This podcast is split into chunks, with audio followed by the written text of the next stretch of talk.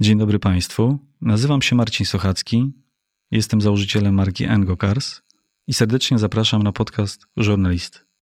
Dzień dobry, tu żurnalista. Zanim zacznie się rozmowa, chcę prosić Cię o ocenę mojego podcastu i obserwację. Jak już tego słuchasz, to jesteś naprawdę blisko. To maksymalnie 3 sekundy. Pozycjonuje mnie to w rankingu i pomaga dotrzeć do innych słuchaczy.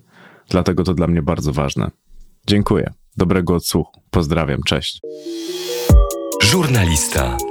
Rozmowy bez kompromisów. Dzisiaj u mnie Robert Gawliński. Dzień dobry. Dzień dobry, cześć. Niegdyś król starówki. Można tak powiedzieć. A masz takie powroty czasami? Lubisz e, trochę poszaleć, ale już e, razem z tym bagażem doświadczeń? Mm, Wiesz co, tak, no one się zdarzają raz na parę lat. Ale raz na parę lat. Raz na parę lat. Nie, tam, wiesz, miałem taki moment tam gdzieś któregoś razu, wiesz, tam się mocno zaprzyjaźniłem z... Ale to było też tam jakieś tam 7 lat temu. Mm. E, na, na, wiesz co, na y, stare śmieci, tak mnie coś tam pociągnęło i parę nocy za, za, zarwałem, parę y, ochrzanów zebrałem od żony, bo tam po, polubiłem e, właścicieli kilku takich nocnych przybytków e, na Ząbkowskiej i jakoś tam zacząłem bywać. No. A Ale to też też- moment, to taki tydzień chyba. A, ale to zawsze warto teleportować się do wspomnień. Oczywiście. Wtedy wspomnienia są trochę bardziej żywe. Ty fajnie mówisz o latach 90. w Polsce, że pr- przypominały trochę lata 20. i kontynuujesz, że zamiast stać się Paryżem Wschodu, Warszawa stała się miastem hamburgera. Jak ty wspominasz swoją Warszawę? O, wiesz co, no, ja, mi jest trudno powiedzieć, bo w tej chwili miasto Warszawa jest piękne. Mhm.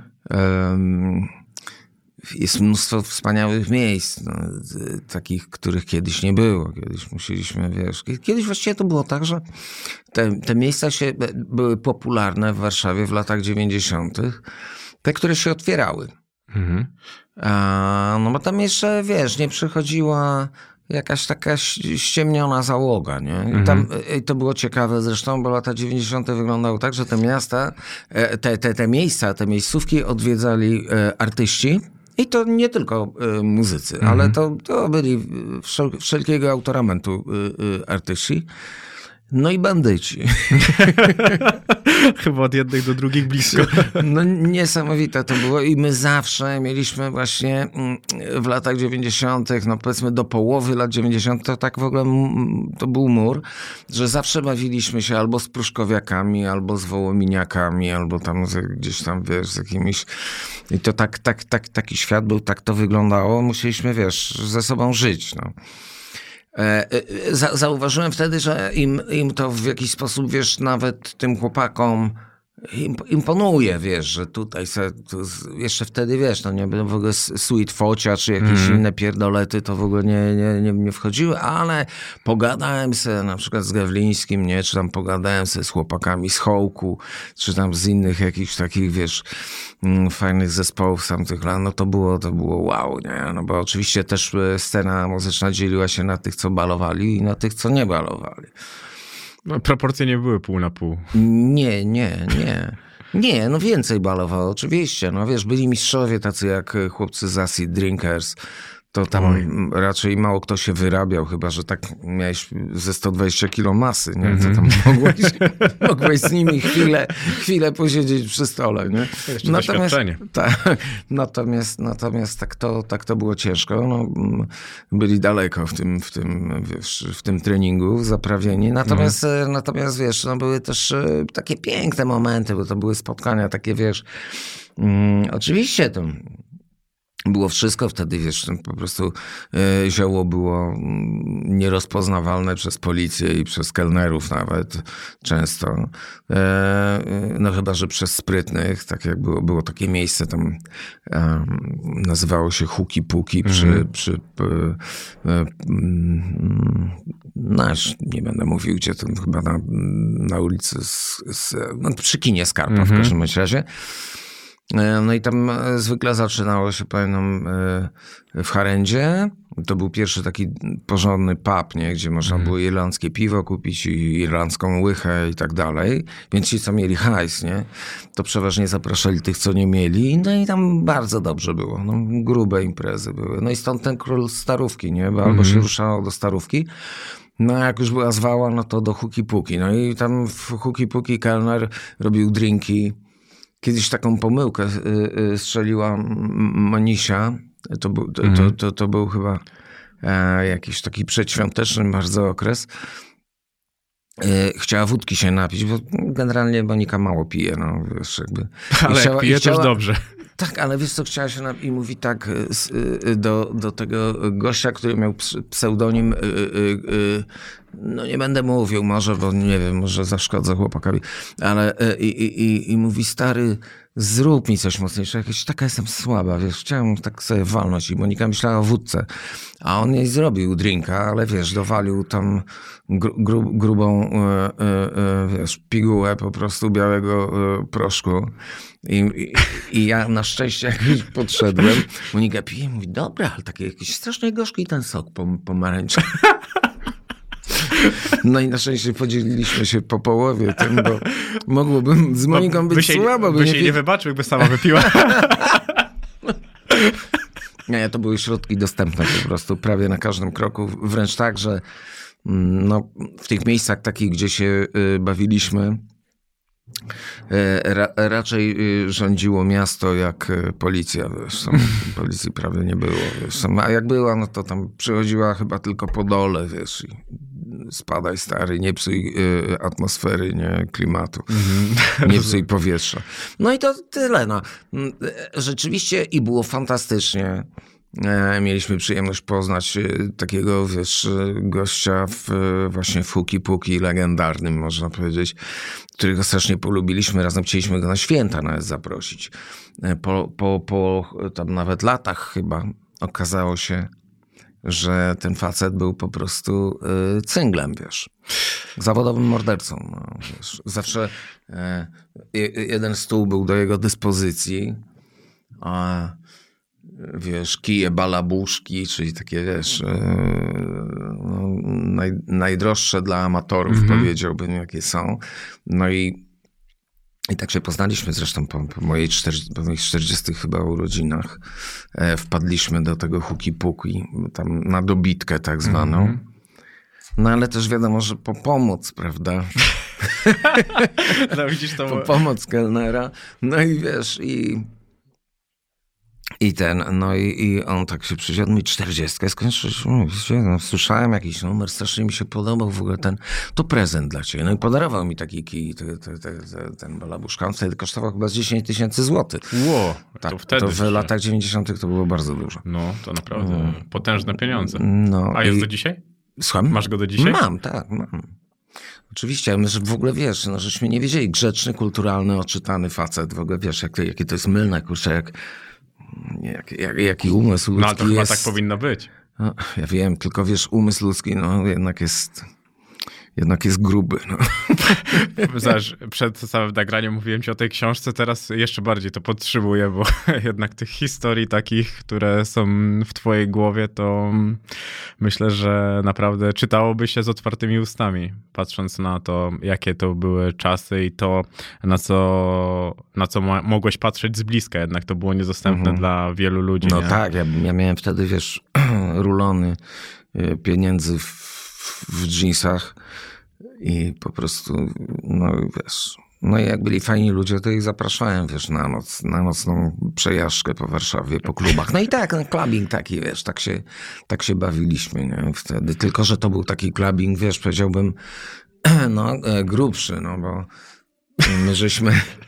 My żeśmy po prostu troszeczkę okupowali, nie? Te miejsca, w których się pojawialiśmy. Najlepszy klient.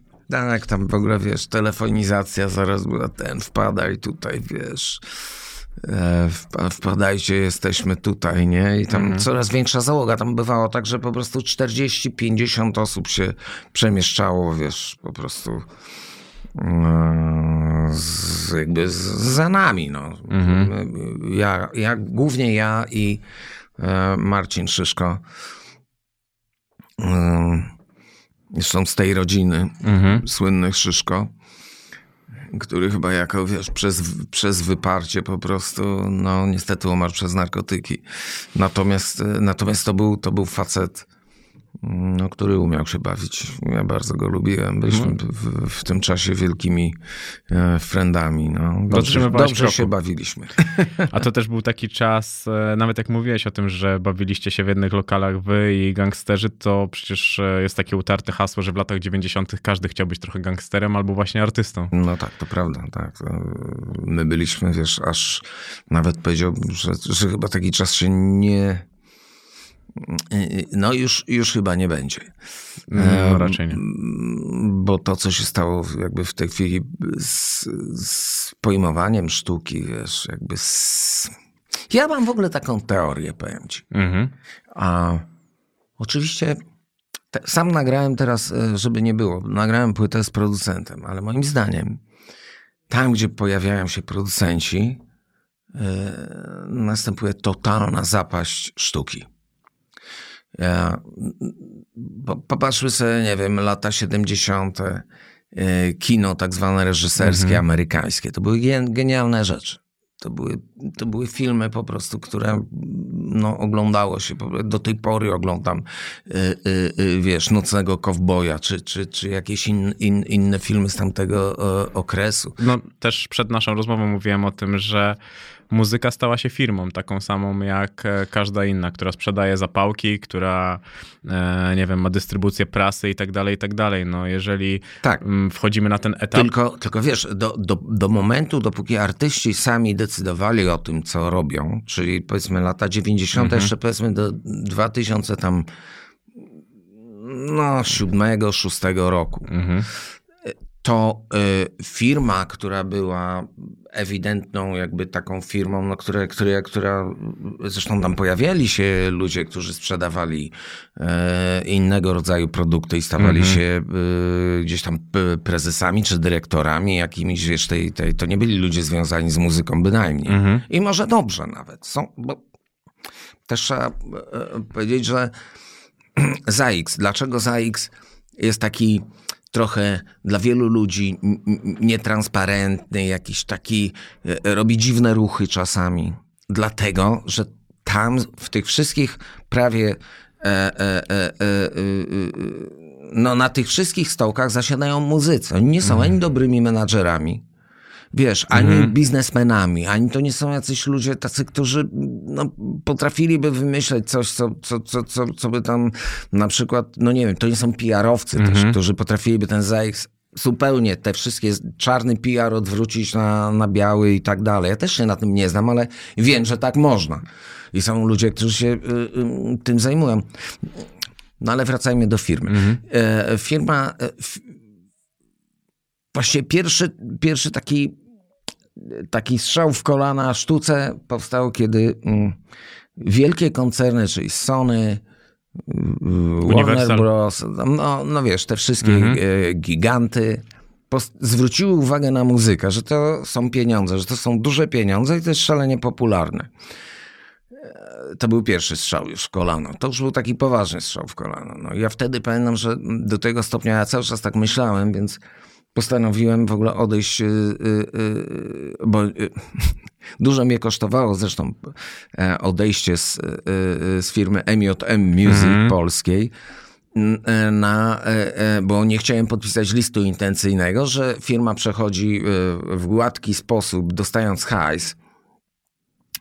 E, oczywiście e, zarząd, e, w tym przypadku dwuosobowy, e, dostawał hajs od e, Sony Music, że ich kupują. Artyści w ogóle nie byli brani pod uwagę, więc e, ja powiedziałem, no wiesz, liczyłem na to, że może jakieś dżentelmeńskie pieniądze, wiesz, e, będą dla tych, którzy tak naprawdę stanowili o tej firmie, czyli w tym przypadku Wilki, no bo do, dopiero zaczynał zespół e, Myslowic, wiesz, e, dopiero jakby tam inne zespoły raczkowały w tej firmie.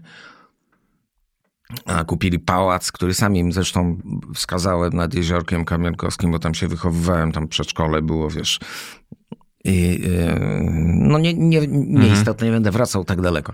I, i wiesz co, i oni właściwie oni nie czuli obciachu wtedy, no to byli tacy kapitaliści, trochę tak jak e, było w tym filmie pokazanym, który niestety, e, gdzie tam nawet producentem był chyba Mick Jagger.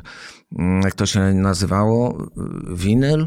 Czy... A, tak, tak, tak, tak, tak, tak. To- To, serial chyba. Tak. Tak, e, to, to, to co się działo w 60 latach w Ameryce, to w 90 latach dokładnie tak e, e, myślano o biznesie. No zresztą nic dziwnego, bo przecież tu nie było nic takiego, nie było wolnego rynku. Więc e, muzycy byli totalnie e, mm, jakby wysysani w ogóle, wiesz, w taki prymitywny sposób, nie? że cała firma żyła za pieniądze e, wilków Mhm. przez trzy lata. Y, a jakby takim mykiem było to, że wiesz, y, po prostu cała firma jeździła na vouchery za nasze pieniądze, a mieliśmy tak po prostu skonstruowaną umowę, że e, dosta- zaczynamy dostawać pieniądze ze sprzedaży płyt, a, a tej płyty się kilka milionów sprzedało. Oczywiście w większości to była y, sprzedaż piracka. No wiadomo. E, I i dopóki zresetują się koszty. I one się nigdy nie resetowały przez trzy lata. Wiesz. Z bankiety, balangi. To, to były piękne czasy, urocze dla producentów e, audio, wideo, prawda? Czy tam audio nawet powiedziałbym. No więc dobra, ale to już pomijam no, ale to było i nagle wjechały te duże koncerny i tu już się dupa e, pojawiła, bo tu już wjechali menadżerowie, a menadżerowie nie, nie rozumieją artystów, nie chcą z nimi gadać najchętniej. Mhm. Tacy ludzie, którzy, nie wiem, sprzedają wszystko, prawda? Mhm. To, oni sprzedają produkt, a tu mają do, e, e, do sprzedania ludzi. No bo artysta i jego twórczość, i to, to, co jest do sprzedania, no to wynika z niego, prawda? Oni nie chcieli się z nami kontaktować, nie chcieli w ogóle z nami za bardzo rozmawiać. Tak jest do tej pory, wydaje mi się.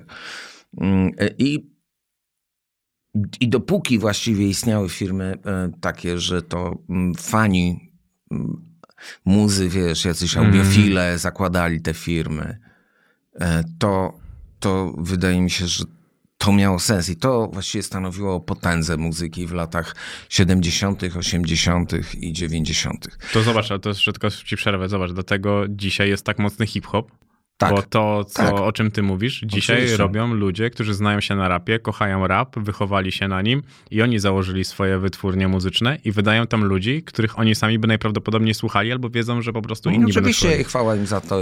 W ogóle rap jest cool w ogóle też. Jestem fanem rapu polskiego. To jest dla mnie niesamowite. Ale są ludzie na przykład, których e, lubisz słuchać? No wiesz co, nawet śpiewam z niektórymi. No. Teraz y, tam jak, jak, jakiś numer zro, zrobiliśmy, chyba z, to było już z rok, Z Smolastym? ze Smolastym. Mhm. Oczywiście to jest taki, wiesz, moim zdaniem to jest wokalista nowoczesny. On, Tak, on, tak, on tak. świetnie, e, e, e, e, świe, świetną rytmikę ma. Powiem ci, że to jest strasznie ciężko tak śpiewać jak on. To się wydaje takie, że on tam sobie przeskakuje, leci, wiesz. Mm, e, i nie, nie wiem, czy zwróciłbym tak na niego uwagę, gdybym nie musiał z nim zaśpiewać. Nagle, wiesz, wszystko, co zaproponowałem, było jakieś takie ociężałe, jakieś... To jest, to jest trudne i ciekawe w ogóle, co on robi. Mi się to zaczęło bardzo podobać. No i zacząłem go obserwować, wiesz. No. Z kobiet y, zdecydowaną faworytką jest dla mnie y, Mary z Polski, jeżeli chodzi o laski. No ale też no, so, jest dużo takich, wiesz, poszczególnych gdzieś tam sytuacji, których słucham i zawsze mi się podobają, w odróżnieniu y, y, może nawet trochę y, bardziej od tego, co słyszę, co leci w radiu. Że teraz jest jakaś taka kiepska ta dysproporcja po prostu, że to, co leci w radiach jest takie nieraz takie, są momenty jakieś, nie tam, ła, o kurczę, coś fajnego, nie? A tak to jest taki takie miałkie, te teksty są takie miałkie, te, te, te, te, te, no właśnie producenckie, takie totalnie. No wiesz, no ale już nie będę, nie, No będę, nie, powie- będę, nie, będę, nie będę pogrążał, bo to fajni ludzie są też, wiesz, e, na pewno. Yy, yy, zresztą niektórych poznałem. No, No, to, no dobrze, no to wiesz, to, że są fajnymi ludźmi nie musi definiować, że od razu robią fajną muzykę. No, No, bo nie, nie, nie, nie. po Ja uważam, że, że w Polsce muzyka leży, że my w ogóle nie mamy swojej muzyki w tej chwili, my nie mamy e, mm, czym się pochwalić. Tak jak niektórzy myślą, że no, fajnie, a ja tak się cieszę. Ostatnio gdzieś z kimś rozmawiałem i ktoś tak powiedział, jak ja się cieszę, że my tak w ogóle nie odstajemy od świata. My tak odstajemy od świata w tej chwili, jak nigdy żeśmy nie odstawali, moim zdaniem. Nie wiem, ja akurat Bo lubię nasi teksty. producenci, e, bardzo zdolni ludzie, Mhm. oczywiście, że tak, ale oni robią to, co zostało już zrobione na łeście. A artystą, artysty powinnością, w ogóle każdego, jest tworzenie mody, a nie podążanie za nią, prawda? Mhm.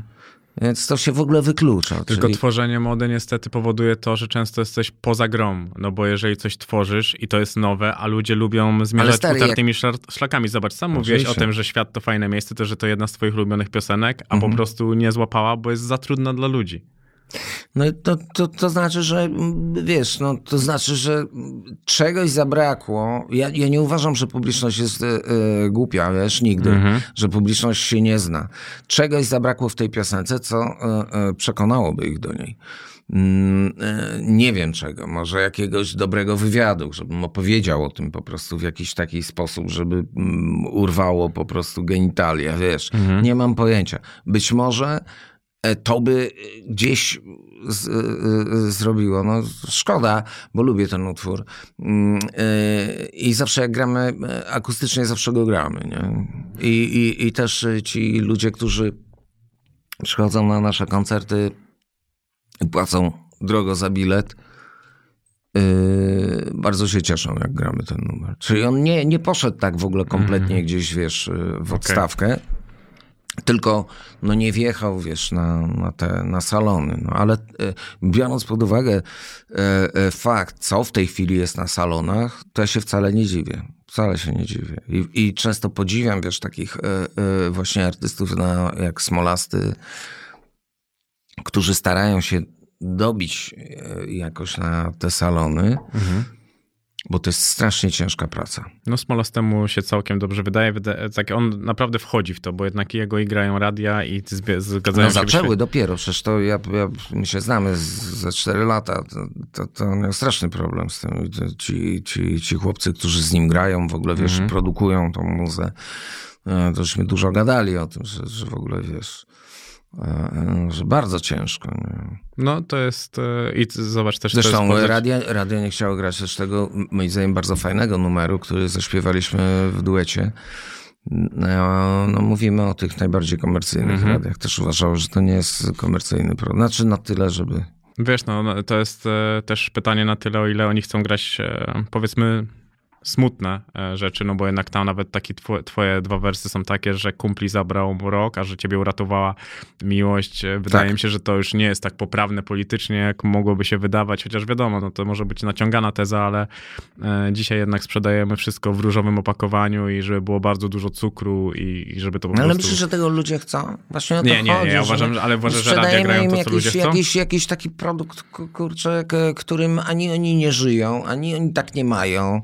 Wiesz, to ja nie wiem, ile to... Ja, ja jestem zdumiony, że to tyle czasu trwa, no ale wiesz, no, skoro PiS rządzi 7 lat, no to wszystko może się zdarzyć. Wszystko, zdecydowanie. A muzyka dalej cię potrafi cieszyć tak, jak cieszyła wtedy, kiedy dorastałeś? Albo wtedy, no kiedy... nie, na pewno nie, aż tak, wiesz. Um, Muzyka jest dla mnie takim, wiesz co, takim rodzajem święta, takiej nawet, kurczę, czasami takiej albo transu, albo kontemplacji, wiesz. Nieraz gram koncert, e, jak się dobrze czuję oczywiście, no bo to wiesz, w tym wieku, jak mam kaca, no to już gorzej się gra, nie zdecydowanie, ale, ale wiesz, ale, ale jak się dobrze czuję, jestem taki, wiesz, w gazie, no to, to, to, to nieraz w ogóle chciałbym drugi raz wyjść i zagrać koncert po prostu, wiesz. Czyli motyle w brzuchu są nadal. Rajcuje mnie, wiesz, to jak publika reaguje. Kiedyś byłem chyba bardziej taki zamknięty w sobie, wiesz, bardziej starałem się, żeby, żeby y, to tak docierało, to co, to co mówię. W tej chwili właściwie tylko tak sobie śpiewam Mhm. i czasem y, łapię się na tym, że śpiewam i obserwuję ludzi, nie? Mhm. I bardziej mnie to rajcuje przez to, wiesz, reakcja publiczności, jak oni się dobrze czują, jak się dobrze bawią. A to można powiedzieć, że bardziej to doceniasz dzisiaj? Nawet chyba tak.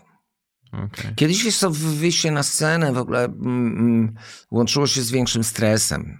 Rzadko kiedy byłem trzeźwy. Wiesz, to, to wszystko się y, jakoś kumulowało. Nie? Mhm. No to jak byłem nawalony, no to trzeba było skontrować jakimś kolumbijskim, wiesz, specyfikiem, bo wtedy był. Wtedy był. I wiesz, no i to jakoś tam szło, ale to też ja, ja nie lubię po tym śpiewać w ogóle, wiesz. W tej chwili jestem czysty, właściwie jestem jak anioł, no, można powiedzieć. Piję wino, piję wino. No, to, to czytałem. A jest coś, o czym chciałbyś jeszcze zaśpiewać, a tego nie poruszyłeś? Na pewno. No na tej płycie napisałem po raz pierwszy piosenkę, wiesz, o miłości do muzyki. I jestem z niej bardzo zadowolony. Chciałem, żeby ona była singlem. Mhm. Ale finalnie był też utwór Ale syna. finalnie będzie inny, y, y, y, wiesz, singiel. I powiem ci, że nawet dobrze, bo to taki singiel, wiesz, taki utwór zwykle z Kubą Galińskim, jak robiliśmy tą płytę i tak mieliśmy dziewięć numerów i Kuba mówi, ty, dobrze by było mieć dziesięć, taka płyta jest wtedy, nie? I ja mówię, no dobra, masz rację, no to, no to co? Mm, Kuba mówi, ja mam taki, no, a taki bardzo nowoczesny, jakiś klawiszowy, taki wiesz, y, y, y, y, y, numer, coś tam próbowałem śpiewać, y, coś Kuba nam ten, no tak żeśmy tam sobie wymyślali nawzajem, wiesz, jakieś inspirowaliśmy się. No ale jakoś nie poszedł, no i Kuba mówi, no dobra, to przesłuchajmy te, które mi tam nagrałeś, nie? Tam, no i tam któryś o, może to, no to to. No i żeśmy go zrobili w 15 minut. To teraz będzie naszym singlem. Utwór właściwie o samo- samotności w mieście. No i teraz jak mówisz, no, tam był jeden zwrot, a tutaj refren jest taki, że yy, zagubiony w miejskim tłumie. Yy, jak tam było? Kurczę. Misiek tam siedzi, więc. Zagubiony w miejskim tłumie, zatopiony w A, myślach swych. Gdy mówię, nikt mnie nie rozumie. Gdy krzyczę, to nie słyszy nikt. No i to będzie singlem. No i fajnie, cieszę się. No, to tak. A są, są jeszcze właśnie dziennikarze muzyczni, dla których, których recenzje ty sobie bardzo cenisz? Mm. Wiesz co, czytam recenzję. To jakoś No ale to zastanawiam się, że czytasz to jeden, ale czy to jest taka recenzja, u którego dziennikarza chciałbyś przeczytać, że o, on mnie pochwalił, bo on się naprawdę zna. No to stare pokolenie chyba bardziej. Wojtek Mann, Mhm. e, e, Piotr Kaczkowski chyba najbardziej bym chciał, żeby napisał do, ciepłe słowo o mnie kiedyś. Nie, Piotrek akurat z Piotrem się znamy wiele lat. I Piotr właściwie pomógł mi, mm, nam. Wtedy w zespole Madame. y, y, Wiesz, y, pierwsze kroki takie w zawodowym świecie, pierwsze pieniądze zaczęliśmy zarabiać, jeździliśmy na trasy, w ogóle mieszkaliśmy w hotelach starych, hotel Warszawa, żeśmy zobaczyli z kolegami, z basenem i z dupami młodymi, tymi pływającymi tam na tym basenie, mało ludzi, człowieku, drinki, bar, było cudownie. W latach 80. tego w ogóle nie było, tego wiesz. No to, to kurczę, graliśmy y, próbę.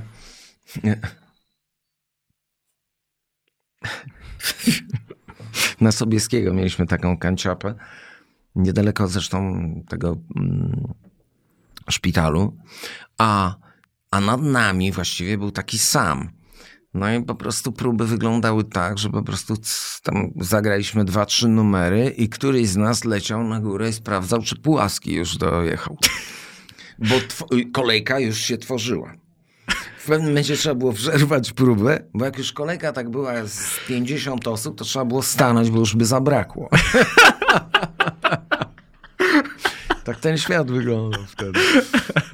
Ale lubisz tam wracać z tego, co tak jak opowiadasz, to dzisiaj... Wiesz co, nie, to jest taka, tak, taki powrót, powiem ci szczerze, to jest taki powrót, mm, e, jak, jak pow, wiesz, takie najfajniejsze chwile, to jest takie jak wspomnienia z wojska trochę. Okej, że było nie, ciężko, tak naprawdę ale... było ciężko do dupy, syf, malaria i korniki. No ale jednak e, to No wiesz co, ale też no pamiętaj, my byliśmy młodzi. My byliśmy kompletnymi freakami, kurczę, wiesz. Siedzieliśmy, wiesz, zawsze się znalazł ktoś, to jakieś piwo postawił, nie wiadomo jak, siedzieliśmy sobie w remoncie albo w stodole, wiesz. Graliśmy muzę po 8 godzin dziennie. Yy, przychodziliśmy na koncerty kolegów też z Afriko, wiesz, no i tak jakoś żyliśmy, nie? I znowu ktoś piwo postawił i tak... I tak szło od dnia, Tak szło, tak. Od, od dnia do dnia. Ale pięknie mówisz też o swoim dziadku, że nazywasz go swoim autorytetem, że przysłonił wszystkich, dodajesz, że żył tak jak chciał, pięknie, był skromny, szanował swoją pracę, e, uczył cię bycia honorowym i szlachetnym. Dużo jego cech przetrwało w tobie? O kurczę, nie jestem tak y, dobry jak mój dziadek, wiesz, pod żadnym względem. Aczkolwiek pewnie tak. Pewnie tak, wiesz, starałem się w podobny sposób, znaczy podobne idee wpoić moim synom. Mhm. I myślę, że to dobrze im zrobiło, wiesz, są po prostu spokojnymi ciziami, ale w mordę też potrafią przywalić. Jest tak, wiesz, bo tacy są y, tak jak trzeba, wydaje mi się. Mhm. Są A- wyważeni i w porze. A to y, dziadek dla ciebie, bo, bo mnie zastanawia, zastanawia twoja wrażliwość, bo ona jest niewątpliwie olbrzymia i było widać, że po prostu te pokłady tego skądś musiały się wziąć. No jednak e, twoje życie to była sinusoida, już jak nawet mówimy o tej, m, tym momencie powiedzmy rozrywkowym i zastanawiało mnie, na ile dziadek był dla ciebie poniekąd e, ojcem w takiej całej twojej ważności i dzieciństwie. Na pewno bardziej jak mój ojciec. No, to, to Tak, tak, niewątpliwie. zdecydowanie. No, y, y,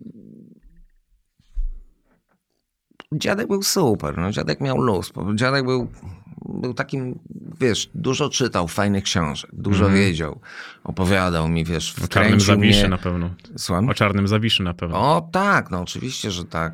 E, e, mm, przy czym dziadek docierał tam do źródeł, znał prawdziwą historię Zawiszy Czarnego, Mhm. a nie, mm, a nie e, tylko jakieś tam mm, legendy. A, Zawisza Czarny nigdy nie złamał słowa. Tymczasem z Zawiszą Czarnym wiesz o co chodziło, prawda? Że on całe życie spędził na niemieckim dworze, ale jak była bitwa pod Grunwaldem, przyjechał i stanął po polskiej stronie, prawda? I dochował jakby y, no, honoru. Mhm. No i stąd się cała legenda Zawiszy Czarnego. Można tak w skrócie oczywiście No, powiedzieć. Tak. Natomiast no dziadek, wiesz, opowiadał mi o wędkarstwie, uczył mnie e, wędkarstwa. E, nie wiem, robił mi, e, wiesz, ponieważ miał warsztat, on dziadek się zajmował na co dzień z ślusarstwem pre, precyzyjnym i budował automaty. em, no tak po wojnie, przedtem pracował w fabryce Philipsa, ale e, po wojnie później tak, e, e, no niczego nie było. Nie? No to mm, dziadek usiadł i mówi, to może ja zrobię jakiś, no bo co, nie ma otwieraczy, prawda? Do konserw. Były konserwy A, z tym Umbry, patentem, no. a nie było... No to zrobił automat, który z blachy wyginał te otwieracze, ostrzył Mhm. te nożyki, wiesz, ucinał tak, żeby były ostre. Tam do cięcia blachy się nadawały. No i tak to zaczął. Później przychodzili do niego bogaci faceci z, z, z głową do interesów, tak, tak zwanych często badylarze, często jacyś inni. I proponowali mi mu, e, a zrobi mi pan automaty, który by haczyki robił. No zrobię, no i robił, nie? I, I robił, no i wiesz, robił te haczyki. E, e, e, No, różne rzeczy, jakieś zamknięcia do torebek, takie były modne, wiesz, tam po, po wojnie, wiesz, takie, takie śmieszne, takie, takie, tak, takie, na takie, wiesz, otwierane. No ale to jego luz był tym kluczem, który do ciebie mógł trafić? Najbardziej, no. Wiesz, a poza tym, wiesz co, no, to była komuna. Wszyscy pracowali w jakiejś pieprzonej fabryce, y, ja- jakieś te odbijali karty, y, wiesz, y, były maszyny, jak nie, to tam, wiesz, dostawali po premii. Ten dziadek sobie po prostu pracował w swoim warsztacie. Jak była ładna pogoda, uznał, że ryby będą brać, no to kończył robotę, mył się, brał sobie wędki i szedł na ryby. Nad jeziorko Kamionkowskie. No i ćwiarteczka z kolegami, wiesz, siedzenie, py, py. no to, było to były w ogóle jeszcze piękne czasy, bo dziadek miał swoją stawkę wygrabioną w ogóle, wiesz, czyli wiesz, te wszystkie te, te, te, te, co masz zaczepy tam, jak łowiłeś kiedykolwiek ryby. Tak, tak, tak. tak. No to, no to, to było wszystko pięknie wygrabione i dwie e, e, e, futerale tam na wędki, dwie takie mm, z, z jakiegoś mm, plastiku, czy, czy nie wiem czego, no takie zrobione karteczki i wbijał 10 metrów z jednej strony, z drugiej proszę o ciszę. I siedział i łowił ryby. Ale to niesamowite. Fajny czas, nie? No, ale a, to, a to raptem 60 lata, wiesz. Ale zobacz też e, nawet takie poukładanie, przygotowanie, to jednak jest, Tak. też są takie cechy, które warto, warto podglądać, nie? Szczególnie kiedy jest się młodym człowiekiem i wtedy może stać No, się... wiesz, u dziadka jak po prostu e, tam coś próbowałem, no przecież jak to małolat, nie? Tam siedziałem, coś tam kułem, waliłem, wiesz. Ale jak młotek odłożyłem w złe miejsce, no to było srogo. No, tak, tak. To mój dziadek był e, dokładnie... Tyl, tylko na swoje miejsce. I wtedy zawsze go znajdziesz. No, wiesz, oczywiście była ten, ale jak już tam z pięć razy mi powiedział, a ja dalej, wiesz, e, a tam ten, no to ochrzan była, dziadka trochę się bałem.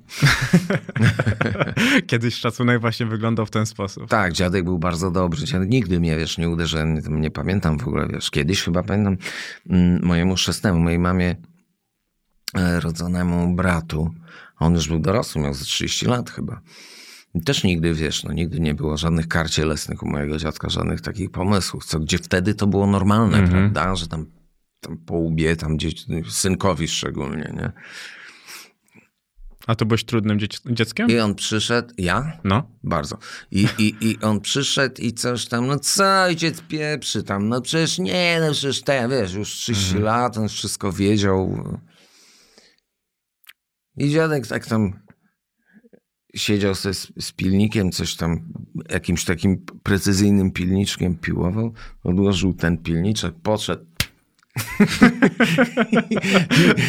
I, Waldek na chwilę stracił przytomność.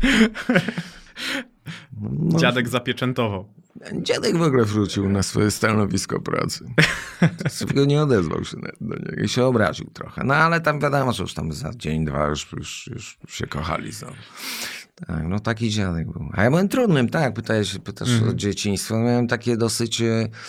Mm, ja byłem wychowany przez mamę. W dużej mierze, no oczywiście mm, początek e, tam do, do, do piątego czy szóstego roku życia, no to tata był normalnie. A później mm, tata y, za przestępstwa gospodarcze trafił y, na 8 lat do więzienia. No i, no i zostałem z mamą. No i z dziadkiem na szczęście, ale yy, znaczy, wiesz, mówię o autorytecie, Mhm. jakimś takim fajnym, męskim wzor, wzorcu, nie wzoru. Mhm. Wiesz, miałem się na kim wzorować dzięki dziadkowi, ale no i Waldek też był fajny, no, czyli mojej mamy rodzony brat, to był też taki gość, który, wiesz, boksować mnie nauczył i tak dalej, wiesz. Em, I, i, I kiedy poszedłem do szkoły, miałem 7 lat, no to by, byłem taką, taki, no, no chłopakiem wychowanym przez matkę, nie? Nie wolno nikogo popchnąć, wiesz, tam starszemu zawsze miejsca ustawić. No, jakby takie fajne wzorce, wiesz, k- k- które, które do tej pory, wiesz, praktykują. Tak jest, no jak się dobrze czuje, a jest starsza pani jakaś, no to po prostu wstaje, wiesz, jak, jak, jak teraz rzadko, no bo jakoś tam od dawna już nie podróżuję, wiesz, Myślałem, że już ciężko spotkać starszą. Ja, wiesz co, teraz fajnie, jak mam takie krótkie włosy, to już tak mało ludzi mnie rozpoznaje, wiesz, dobrze jest. Noszę ciemne okulary, wiesz, jest, jest okej.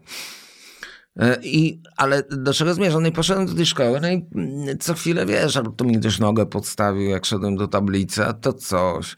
E, taki byłem, no taka, taka pierdoła trochę życiowa, nie? Tam, mama nie pozwalała mi, wiesz, wychodzić w piłkę grać i tam, wiesz, z kolegami czy coś tam, wiesz, no oczywiście tam się urywałem jak mogłem, no ale co może, wiesz, tam pięcio sześcioletni chłopak, no. Tam, mało znałem, że tak powiem, środowisko młodzieży, prawda, jako takiej. Słabo się w tym odnajdywałem. No i, i, i to trwało jakiś tam pewnie pierwszą klasę, aż, aż w końcu w drugiej klasie to się odwróciło. No, no i z tego takiego pierdołowatego e, chłopca, dobrze się uczącego, stałem się łobuziakiem, nie? Mhm. Biłem się k- te, z chłopakami, wiesz, cały czas właściwie. Spodobało mi się to. Później, później oczywiście ratowało mnie zwykle to, że mm, gdzieś na śpiewie taką miałem, miałem fajną taką nauczycielkę y, śpiewu, właśnie muzyki. Taką panią, panią śpiewak zresztą mhm. się nazywała. I ona, I ona jakby gdzieś tam trochę odkryła, można powiedzieć, mój talent wokalny. Bo ja śpiewałem tam Cześćka, Niemena, wiesz, wtedy tam, to co leciało w domu. Mama słuchała Presleya, no to śpiewałem Presleya. E, I to nie tego mdławego, tylko te pierwsze płyty, one były mm -hmm. zajebiste, Presleya. Tak samo, tak samo Czesław, no wtedy doskonałe płyty nagrywał. E, co tam jeszcze? No niestety też Karel Gott był. Był, był. Ale z kolei dzięki Karolowi Gotowi, ale zresztą też i Czesławowi, jakby pokochałem, wiesz, muzykę wschodnią, czyli znaczy blisko wschodnią, mm. czyli słowiańską. Jakby poznałem muzykę słowiańską i zrozumiałem, że to nie tylko są y, kujawiaki i oberki, yy, tylko no, to są piękne melodie, piękne pieśni, piękne harmonie, wiesz, że to, że to ta muzyka jest coś warta w ogóle, że, że, mhm. że to nie jest tak, że tylko mm, e, e, e, jakby ja wtedy nie miałem pojęcia też takiego ogólnego, nie wiedziałem, że anglosasi rządzą, wiesz, jakby na tym rynku bezwzględnie, ale nagle zrozumiałem, że to jest ładne. I no i śpiewałem trudne rzeczy. No, mama lubiła słuchać też opery czasami, jak miała nastrój, no to śpiewałem, ja wszystko śpiewałem, bo ja kochałem śpiewać po prostu od dzieciaka. Ale to wiem, tak było, że od tak? Czy od tak. Nie, okay. wiem, nie wiem, kiedy to się zaczęło. Trudno mi jest powiedzieć, czy ja miałem 5 lat, czy ja miałem...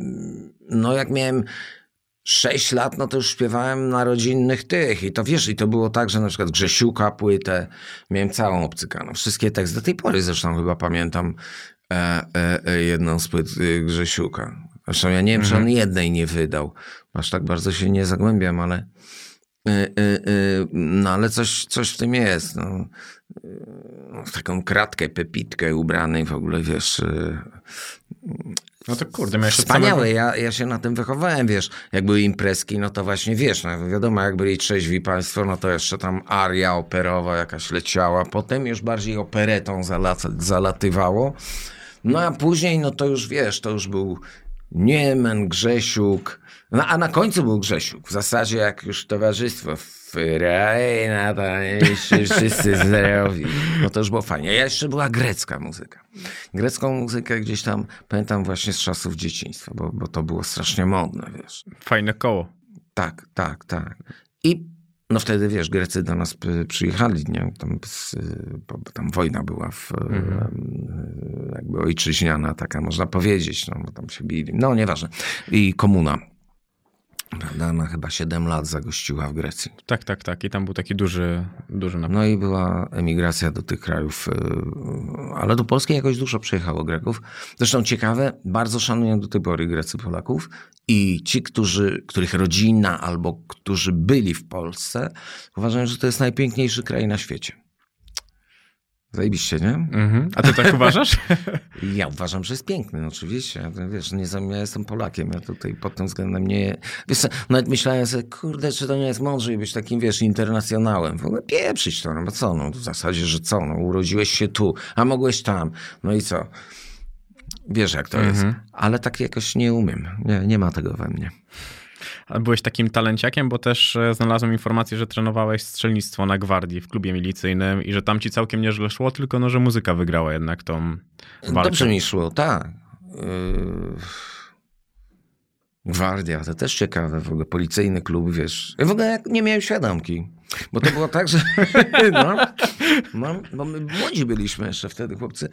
I y, nasz kolega miał ojca, który był myśliwym w ogóle. No i on tam miał różny sprzęt. No i żeśmy któregoś razu, ale miał też i KBKS-a. I zaczęliśmy z tego KBKS-a walić, wiesz. W tarczę od koszyków. W tarczę od koszyków. Ja tam, wiesz, no, ktoś mógł przejść, wiesz. No, w ogóle, no, słaba, słaby pomysł to był ta darsza gdzieś tam była, wiesz, ze 100 metrów od nas, więc mogliśmy mocno nie pocelować, no. wiesz, wtedy, no to taki, tacy byliśmy strzelcy, wiesz. nie jak wtedy z klubu. I wiesz, no i No i on nas na tym nakrył, wrócił z, z my na balkonie tam, e, dawaj czadu. A on nas nakrył, wiesz, za uszy nas wyciągnął, no i mówi, no, no ja tego, ale nas opierdzielił solidnie. A potem mówi, co was kręci, to tak strzelanie podoba wam się? No bardzo nam się podoba. No dobra, to ja wam pogadam z tam, z, wiesz, z trenerem sekcji strzelectwa, a okazało się, że to policjant w ogóle. Ja myślę, no wiesz, ja go traktowałem jako ojca mojego syna. Mhm. Pan Domański w ogóle, wiesz. A to okazało się, że to był facet policjant, no. I, i, i tylko wiesz, no taki w cywilkach, nie? Mhm. No i, no i ten, no i załatwił nam to od razu. No i zaczęliśmy chodzić w ogóle tam we trzech z, z naszego osiedla. No i fajnie to nam wychodziło. No mi wychodziło dobrze, ja wiem, pamiętam, że bardzo dobrze nawet. No. E, Natomiast, e, natomiast e, to piękny sport w ogóle. Takie strzelanie do tarczy to jest genialny sport. To jest w ogóle, wiesz, to jest... To jest takie właściwie bliskie medytacji, wiesz? Wchodzisz w taki jakby trans, jak zaczynasz strzelać do tej tarczy, no bo tam musisz oddać 100 strzałów na przykład, wiesz, e, do celu. Musisz być tak skoncentrowany tylko na tym, że właściwie myśli przebiegają ci takie, wiesz, jak, jak obłoki, wiesz, takie luźne zupełnie skojarzenia jakieś, ale starasz się w ogóle o tym nie myśleć, tylko je widzisz, wiesz, to jest taka niesamowita jesteś tylko skoncentrowany tam przez 40 minut, czy ileś po prostu na tym celowaniu do tego i patrzysz w to jedno kółeczko, ku- kurde malutkie, 100 metrów od ciebie oddalone. Doskonała zabawa. A to strzelanie z łuku czymś się też różni, bo to też e, miałeś chyba moment. A w ogóle chciałem strzelać z łuku, wiesz, E, nagle tak mnie zakręciło, czy ja bym dał radę. Oczywiście strzelanie z łuku jest to o wiele trudniejsze. Ja już byłem trochę za bardzo rock'n'rollowy, żeby, wiesz... To, poza tym do strzelania z łuku trzeba mocno przypakować. O, to nie wiedziałem. A to nigdy nie było moją domeną, wiesz, latanie po, y, po tej, po, po spoconych, y, po, po tych, no, takiej śmierdzącej potem y, siłowni czy coś tam, walenie tymi ciężarami. To zupełnie nie moja bajka. Próbowałem nawet, ale to absolutnie mi nie wychodziło. No też znalazłem, że hobby miałeś, że sklejałeś modele z II wojny światowej. Tak, tak, tak. No skąd to się wzięło? To, to takie precyzyjne trochę z dziadkiem mi się skojarzyło. Tak, chyba tak, chyba tak. To nawet takie, wiesz, to były takie czasy, że to mm, mm, były 70 lata i y, to było takie, że to trzeba było wystać. Właściwie tak, zrywałem się ze szkoły, jechałem pod składnicę harcerską na Marszałkowskiej i tam się stało dotąd, aż przywieźli modele Matchboxa albo IFX-u. Bo to były brytyjskie modele. Nie wiem, jaka to był, jaki to był rodzaj kooperacji. Co my tym Brytolom żeśmy sprzedawali? Może piwo, a oni nam y, modele do sklejania. Nie wiem, dziwne by to było, ale tak mogło być, bo to była komuna, więc tam wszystko mogło być. No i to, i to były takie modele, wiesz, to były wspaniałe modele, bo to oni robili to na, już na takich, wiesz, tych wtryskarkach strasznie precyzyjnych, wiesz. No teraz są oczywiście precyzyjniejsze te ale wtedy to już tam mało trzeba było, bo tak jak kupiłeś se polski taki model do sklejania, to tam w ogóle to już to, to ja miałem dobrze, bo miałem dziadka, który miał iglaki tak zwane, bo to też tego nie poszedłeś do sklepu. Dzień dobry, poproszę komplet iglaków, tak jak teraz, nie? Dzień, proszę bardzo, dziękuję. A jakie pan chce? Takie czy tak? No proszę takie, no to takie, no, no albo takie. W ogóle tego nie było. Y, y, y, Więc Ciekawe dlaczego, prawda? Ale tak było. I iglaki to są małe, wiesz, małe takie pilniczki, Tak, tak, którymi tak, tak. można precyzyjnie coś tam wycinać. Dzisiaj sobie jeszcze googlowałem, wiesz, o co chodzi ze składaniem modeli, żebym mógł tobą o tym porozmawiać. A, a.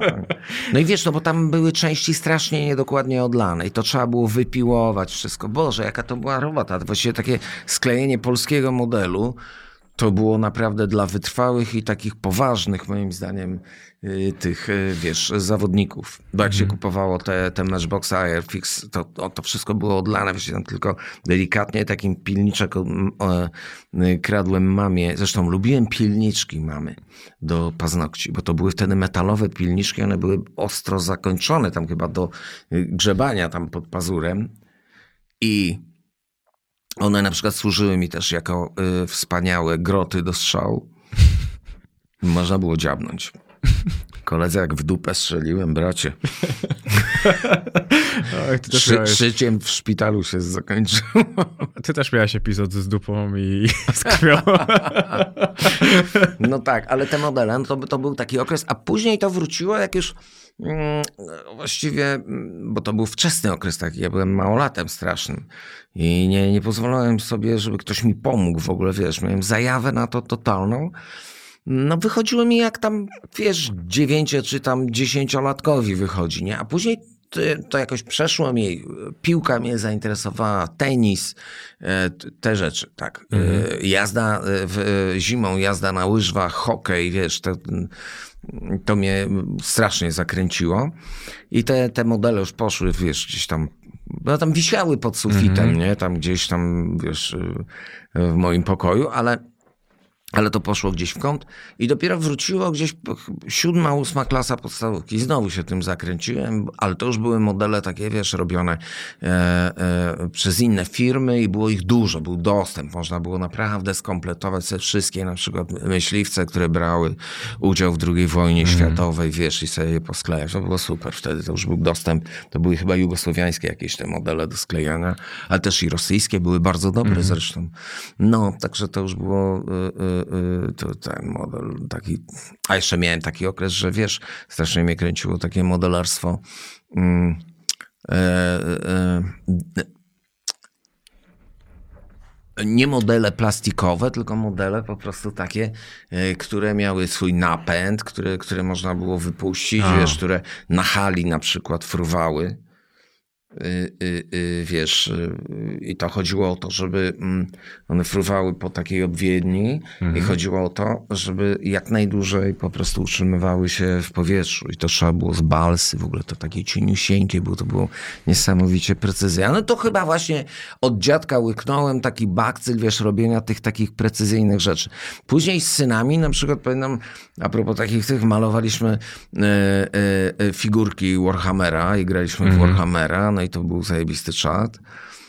Co w życiu jeszcze z takich fajnych rzeczy? A, budowałem dużo chłopakom różnych e, e, bardzo fantazyjnie wymyślonych na fali już wtedy grubej e, rzeczy, rzeczy z, z tego, z no, jak to się nazywa, no, te klocki takie. Lego? Z Lego, tak. No mieliśmy tych klocków po prostu miliony w domu i chłopcy kochali to. A, oczywiście, e, oczywiście mm, i to fajnie, bo oni to dzielili jakoś tak, y, wiesz, ten czas, e, e, że y, mieliśmy nam PlayStation już wtedy, czy to jeszcze Sega była pierwsza, chyba była przez rok Sega, dopiero potem weszło y, PlayStation. I Mm, I, I żeśmy mieli gry na tej sedze i razem żeśmy grali z nimi. Ja wtedy postanowiłem w ogóle kompletnie przestać pić alkohol. E, No więc kupiłem sobie rower i segę. No bo mnie zastanawiała ta zajawka na gry, bo też o niej przeczytałem, że miałeś taki moment, że grałeś dużo w gry komputerowe. Cały czas. Cały czas? Cały czas napierdalam, jak wariat. To w co grasz? W co gram teraz? No.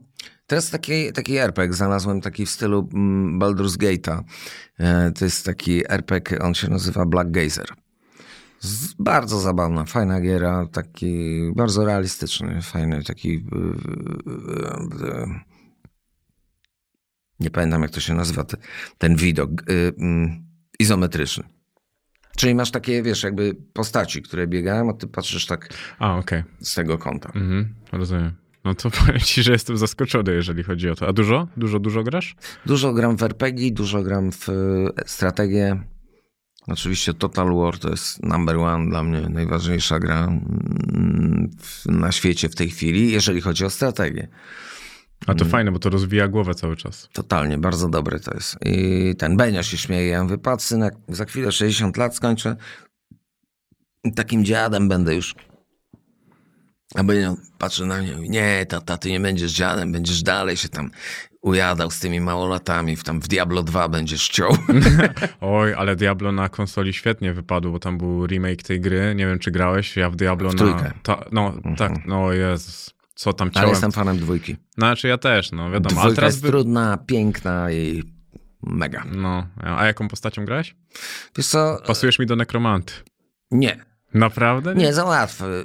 Nekromanta jest łatwy dosyć i, i, i po jakimś czasie, jak, jak poznasz już tą postać, to jest trochę nudny, no bo No tak, tak. ty stoisz z boku w zasadzie, tam coś rzucisz, jakiś, jak, jakąś no, klątwę rzucasz i właściwie tam te, te postaci, które stworzyłeś, tam zabijają, zabijają, jak tam ktoś zginie, no to z tych, co zabili, y, tworzysz następnego tam. No wiadomo. I tak, i tak potem tworzysz y, te, no dobra, nie, wiadomo.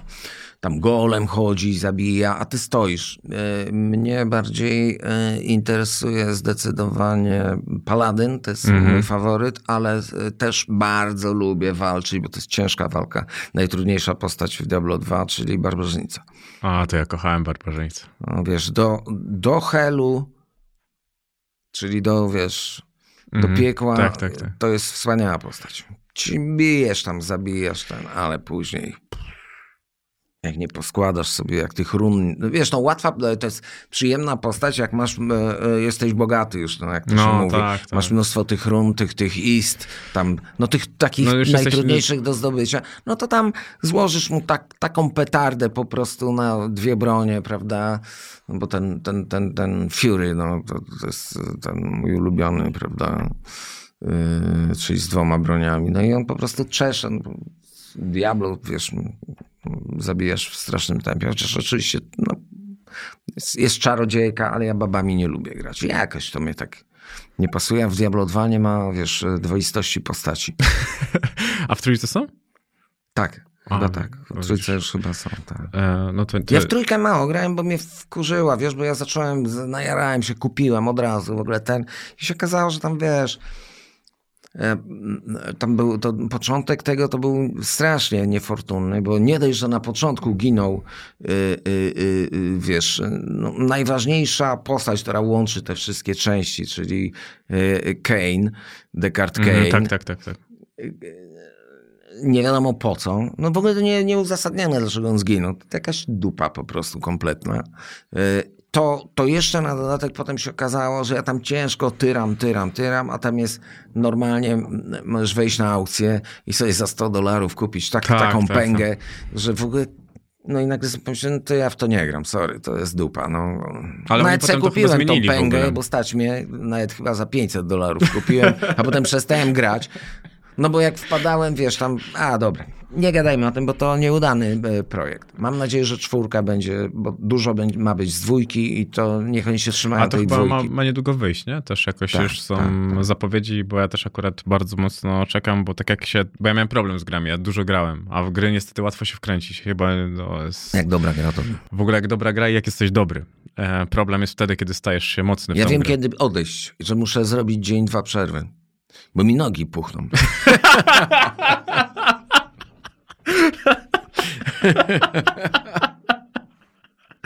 To jest... No bo jak wpadam nieraz, wiesz, no, no tydzień po prostu mam żadne wywiady, żadne rozmowy. Jadę jak szalony. nie? Pożyczę ci takie spodnie limfatyczne, wiesz? Są, że tam limfę do góry ściągają bardzo Ale później, później już tylko w czasie wolnym, no. Ale złoszę się nieraz, jak wiesz, ten, o Jezu, próba. No dobra, jadę. wiesz, na próbie nie daje poznać po sobie oczywiście, ale, ale wiesz, Ale już chłopacy musimy kończyć. Mm, Nie, nie, ja tak nie mam. Nie, ja już jak się wkręcę w muzę z kolei, to mnie rajcuje, już zapominam o tym, że gra, a zawsze się pocieszam. No i fajnie. Trochę się zmęczyłem, teraz coś fajnego zjem, wezmę sobie winko i jadę dalej. A to teraz chyba jesteś najszczęśliwszy w swoim życiu, co? Ja nie wiem, czy jestem teraz najszczęśliwszy, ale mm, coś w tym jest, wiesz, że em, mamy taki moment chyba z, z Moniką, że tak z, trochę udało nam się zrealizować tych marzeń. Wiesz, dzieci zdrowe, kochamy się, gramy razem. To jest też strasznie Mhm. ważne. Mamy kontakt ze sobą, wiesz, cały czas, nie? Cały czas jesteśmy w takim przelocie kumpelskim, nie? no tato, tato, wiadomo, tam mama, mama, ale to tylko wtedy, y, y, jak e, chodzi o jakieś takie sprawy być albo nie być, prawda? Mhm. To ja czasem zajmuję taki, no, y, gdzieś tam może radykalne zdanie mam. A tak to właściwie dysku, dyskutantem jestem na poziomie intelektualnym tylko moich synów, jeżeli to jest możliwe. I, i, I staram się, wiesz, no być dobrym przyjacielem po prostu. No. A, a, a, a, a oni chyba mi się tym odwzajemniają. No, się kochamy, lubimy się, wiesz. No to masz trochę chyba taki dom, o jakim sam mogłeś marzyć jako dziecko. Tak. Tak, na pewno. Natomiast to chyba też tak jest, że mm, zauważyłem, że niektórzy mm, moi koledzy nawet, którzy mieli kiepskie dzieciństwo, że odjeżdżają na dzieci nieraz, nie? Że, że wszystko przestaje być istotne, nie? Tylko dzieci. Ale to nie ma y, y, też, y, mm, powiem szczerze, to nie ma chyba reguły. To są też... No jasne, że tak, to nigdy nie ma reguły. no. Andrzejek Smolik na przykład, no wiem, że jest tak odjechany na, na swoją córę, a on miał wspaniałych rodziców, ja poznałem ich, cudowni ludzie po prostu, wiesz, to taka no, chyba najfajniejsi rodzice moich, y, y, wiesz, y, no takich wieloletnich kumpli, no to, no to oni, wspaniała rodzina. No niestety mama umarła tam rok temu chyba. Niestety, tak już się e, dzieje. Mnie zastanawiało, czy ty byś wytrzymał z Moniką tyle, co ona wytrzymała z tobą. Może przemilczmy to pytanie. Nie wiem, bo to wiesz, to można odpowiedzieć jest tylko jedna, nie wiem. Na pewno starałbym się.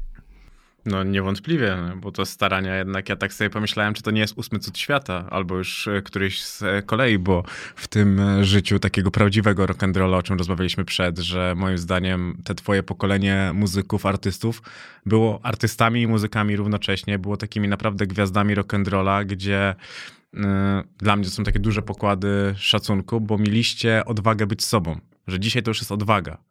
A kiedyś to się wydawał obowiązek, bo sprzedawało się to, co miałeś w sercu. Tak. A w sercu nie, nie jest tylko pięknie, jest bałagan, jest brud, są właśnie te zachwiane emocje, dlatego też zahaczałem o tego dziadka, o rodzinę, o to wszystko, no bo to budowało tego młodego chłopaka, który miał potrzebę wylania z siebie z tego. Zresztą mówiłeś o Zbigniewie Hołdysie, że on powiedział ci, że to jest taka waga i że trzeba pokazać, co się wreszcie Tak. chce przekazać. No i wydaje mi się, że właśnie to o to chodzi, że mieszasz te wszystkie emocje. Dobro, zło, gówno i wtedy wychodzi to całe piękno, które miałeś w sobie i trzeba po prostu zrozumieć, że tam jest tak samo pięknie, tak samo brzydko. No, w każdym człowieku tak jest. No. W, ka- w każdej sytuacji nawet, wiesz, no, nie ma, nie, ma, nie ma nic innego. Zawsze to jest, to są odcienie szarości przeważnie. Jak się pojawia jakiś odci- odcień bieli, to jest, to jest coś wspaniałego. No dlatego powiedziałem, że to może być twój najlepszy moment życia, bo wielu rzeczy się, z wielu rzeczy się powiedzmy wyzwoliłeś, że, e, że to jest już dla ciebie raczej etap e, zamknięty. Zresztą mówisz, że narkotyki ogólnie to nie, ale jako sport to bardzo, bardzo tak. I też mówisz, że alkohol i narkotyki to największe zagrożenie dla wrażliwych lu- ludzi, jakimi są na pewno artyści. I mało ludzi o tym mówi wiesz, no, wie- dzisiaj. Wie, tak, wielu kolegów, e, a, a, a wielu ludzi jest e, totalnie wpieprzonych w to. No.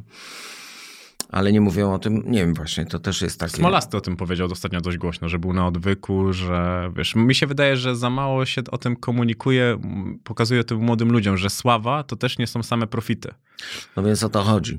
O to chodzi. To, y, y, ten, ten moment odreagowania jest straszny. I też y, y, wiesz co, mm, jak ci od, y, ten, ta, ta soduwa, czy ten, wiesz...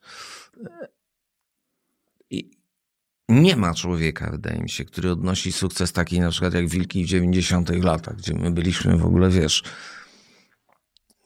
No, bogami w pewnym momencie w e, Polsce. Nie ma człowieka, który przechodzi nad tym obojętnie i mówi, nie, spoko, wiesz. Ja zjem se zupę w ogóle, wiesz. Nie, nie ma takich ludzi, tylko wydaje mi się, że cały, cała sztuka polega na tym, żeby umieć przestać. W pewnym momencie, momencie zrozumieć, że okej, dobra, no musisz z tym żyć. Po prostu tak, tak jest. i to jest fajnie. I nie musisz e, przed tym spierdzielać, nie musisz się tego obawiać, wiesz.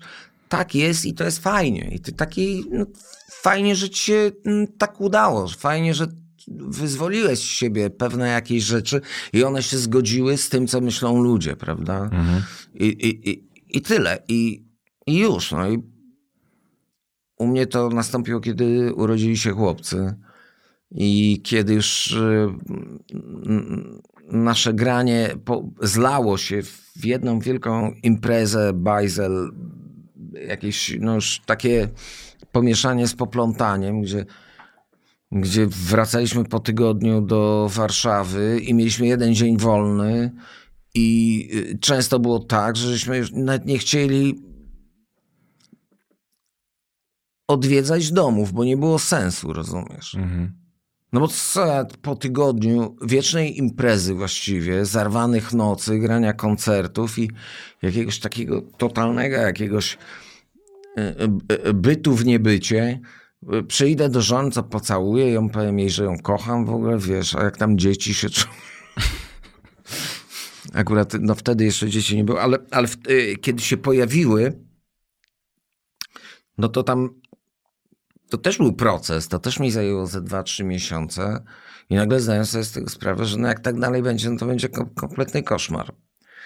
Eee, chłopcy mnie nie będą znać, wiesz, y, y, y, z Moniką to pewnie albo się skończy rozwodem, albo y, y, y, y, wiesz, no, no czymś niefajnym.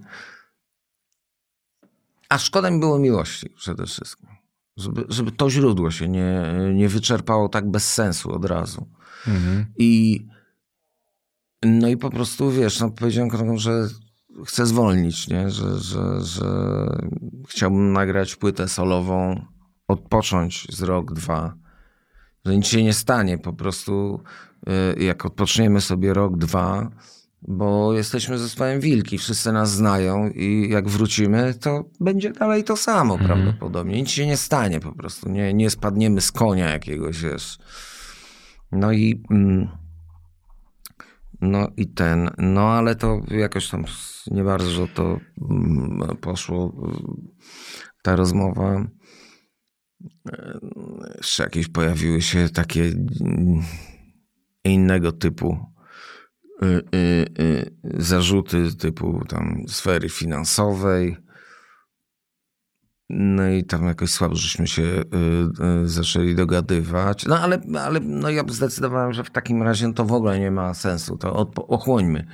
Ochłońmy, bo już, już to był taki moment, że jeździliśmy jednym busem, właściwie ciągle jeździliśmy, więc już zaczynało nam wszystko y, we wszystkich przeszkadzać. Wiesz. Przychodzi taki moment, że już nie odpowiadają ci perfumy kolegi po prostu. Już, wiesz, już masz dosyć ich. No nie? zmęczenie materiału. Tak, Zupełnie zmęczenie naturalne. kolosalne, tak. No i, no i wiesz, i, i, i ja mówię, no to nie wiem, jak chcecie, mm, odezwę się do was za rok czy półtora, albo za dwa i, i, i możemy wracać. No ale się skończyła awanturą, no więc to zawieszenie e, trwało 7 lat i w końcu dopiero żeśmy wrócili do, mm, do siebie, no i nagraliśmy wtedy Urkę, Baśkę, no tam parę numerów fajnych. Siedem chudych, siedem tłustych później. No tak. Nie ma co. No i też to, co ty O. powiedziałeś. Te 7 lat nie było chudych, bo to Znaczy, były no nie było, te, po te płyty, wilków które nagrywałem, tak, tak. Te płyty, które nagrywałem z y, solowe, mm, to one fajnie się sprzedawały i y, tak, no. Dopiero nie, jak mi chodziło o Andrzej chciał. Andrzej y, na czwartej płycie, jak już, bo tak Xa zrobiliśmy, to była trzecia płyta Xa, zrobiliśmy jakby już mm, z Andrzejkiem we dwóch. Mhm. I wtedy trochę zmienił się skład też y, ca całego zamieszania. No i zrobiliśmy to z, z, z Andrzejkiem głównie. Tam u niego właśnie w domu mieszkaliśmy całe wakacje y, z dzieciakami y, w, w, w tym, w między, no nie w Międzyzorach, tylko w Świnoujściu. I, I ten, no i dzień dzieliliśmy, wiesz, e- rano na, na plażę, potem y, jakiś lunch, potem do Andrzejka do studia, no i tam, tam górę piasku. Tata Andrzeja załatwił górę piasku. Tak się za wnukami stęsknił chłop. że górę piasku załatwił i i ten, i oni mieli górę piasku i tam z łopatkami, wiesz, w bandanach na głowach tam szaleli, wiesz. Ma, mama z kolei Andrzejka, wiesz, biegała tam co chwila, to kompocik, a to to, a to tamto, wiesz. Także oni byli rozpieszczani bardzo fajnie, piękny czas zresztą. No a my z Andrzejem, żeśmy tam kminili tę, tą płytę, nie? Ja grałem na gitarze, całą płytę, na, właściwie dwie płyty nagrałem sam na gitarze. Yy, no i, no i działaliśmy. I to, było, I to był piękny czas. I ta płyta X bardzo y, uważam, że to była świetna płyta i, i bardzo niedoceniona przez publikę. Y, fani moi, jak graliśmy koncerty, mówili: Robert, a kiedy wilki? Albo kiedy, kiedy nam ten. Nie, a, a inni mówili: weź, nie graj już tego techno. więc, więc to było dosyć zabawne. Y, śmiałem się. No ale mm, no ale tak mi się to kojarzyło z, wiesz, no, że to, że więcej klawiszy się pojawiło, że, że wiesz, że bity były, mm. nie, mhm. no, że to, to jest techno. A to śmieszne. tak, tak, no wiesz, no, no, tak, to, zobacz, to, to, to były jest... takie lata, wiesz, że no, to były 90 lata jeszcze tam techno, to takie było zjawisko, wiesz, które dopiero powstawało, prawda białe rękawiczki i tak dalej. Tak, to, tak. To tak. jednak. E, też e, ten moment, co ty powiedziałeś, że nie ma sody, ale też jest bardzo trudny moment wtedy, kiedy rozumiesz, że nie da się być cały czas numerem jeden, że jest zjazd. Bardzo trudny. I bardzo. To, I wydaje mi się, że to jest, to jest trudniejsze. To jest najtrudniejszy moment tak naprawdę, bo zaczyna to przeszkadzać. Ja pamiętam sam, że w pewnym momencie się złapałem i zacząłem się z siebie śmiać, że ja sprawdzam jakieś notowania list przebojów, jakiś radii, jakiś, wiesz, mhm. i nagle się złapałem, mówię, ty stary, co ty robisz? Ty, wiesz, zgupiałeś na maksa w ogóle? Co to, co to jest w ogóle? Przecież to... Był już hej, wiesz, była...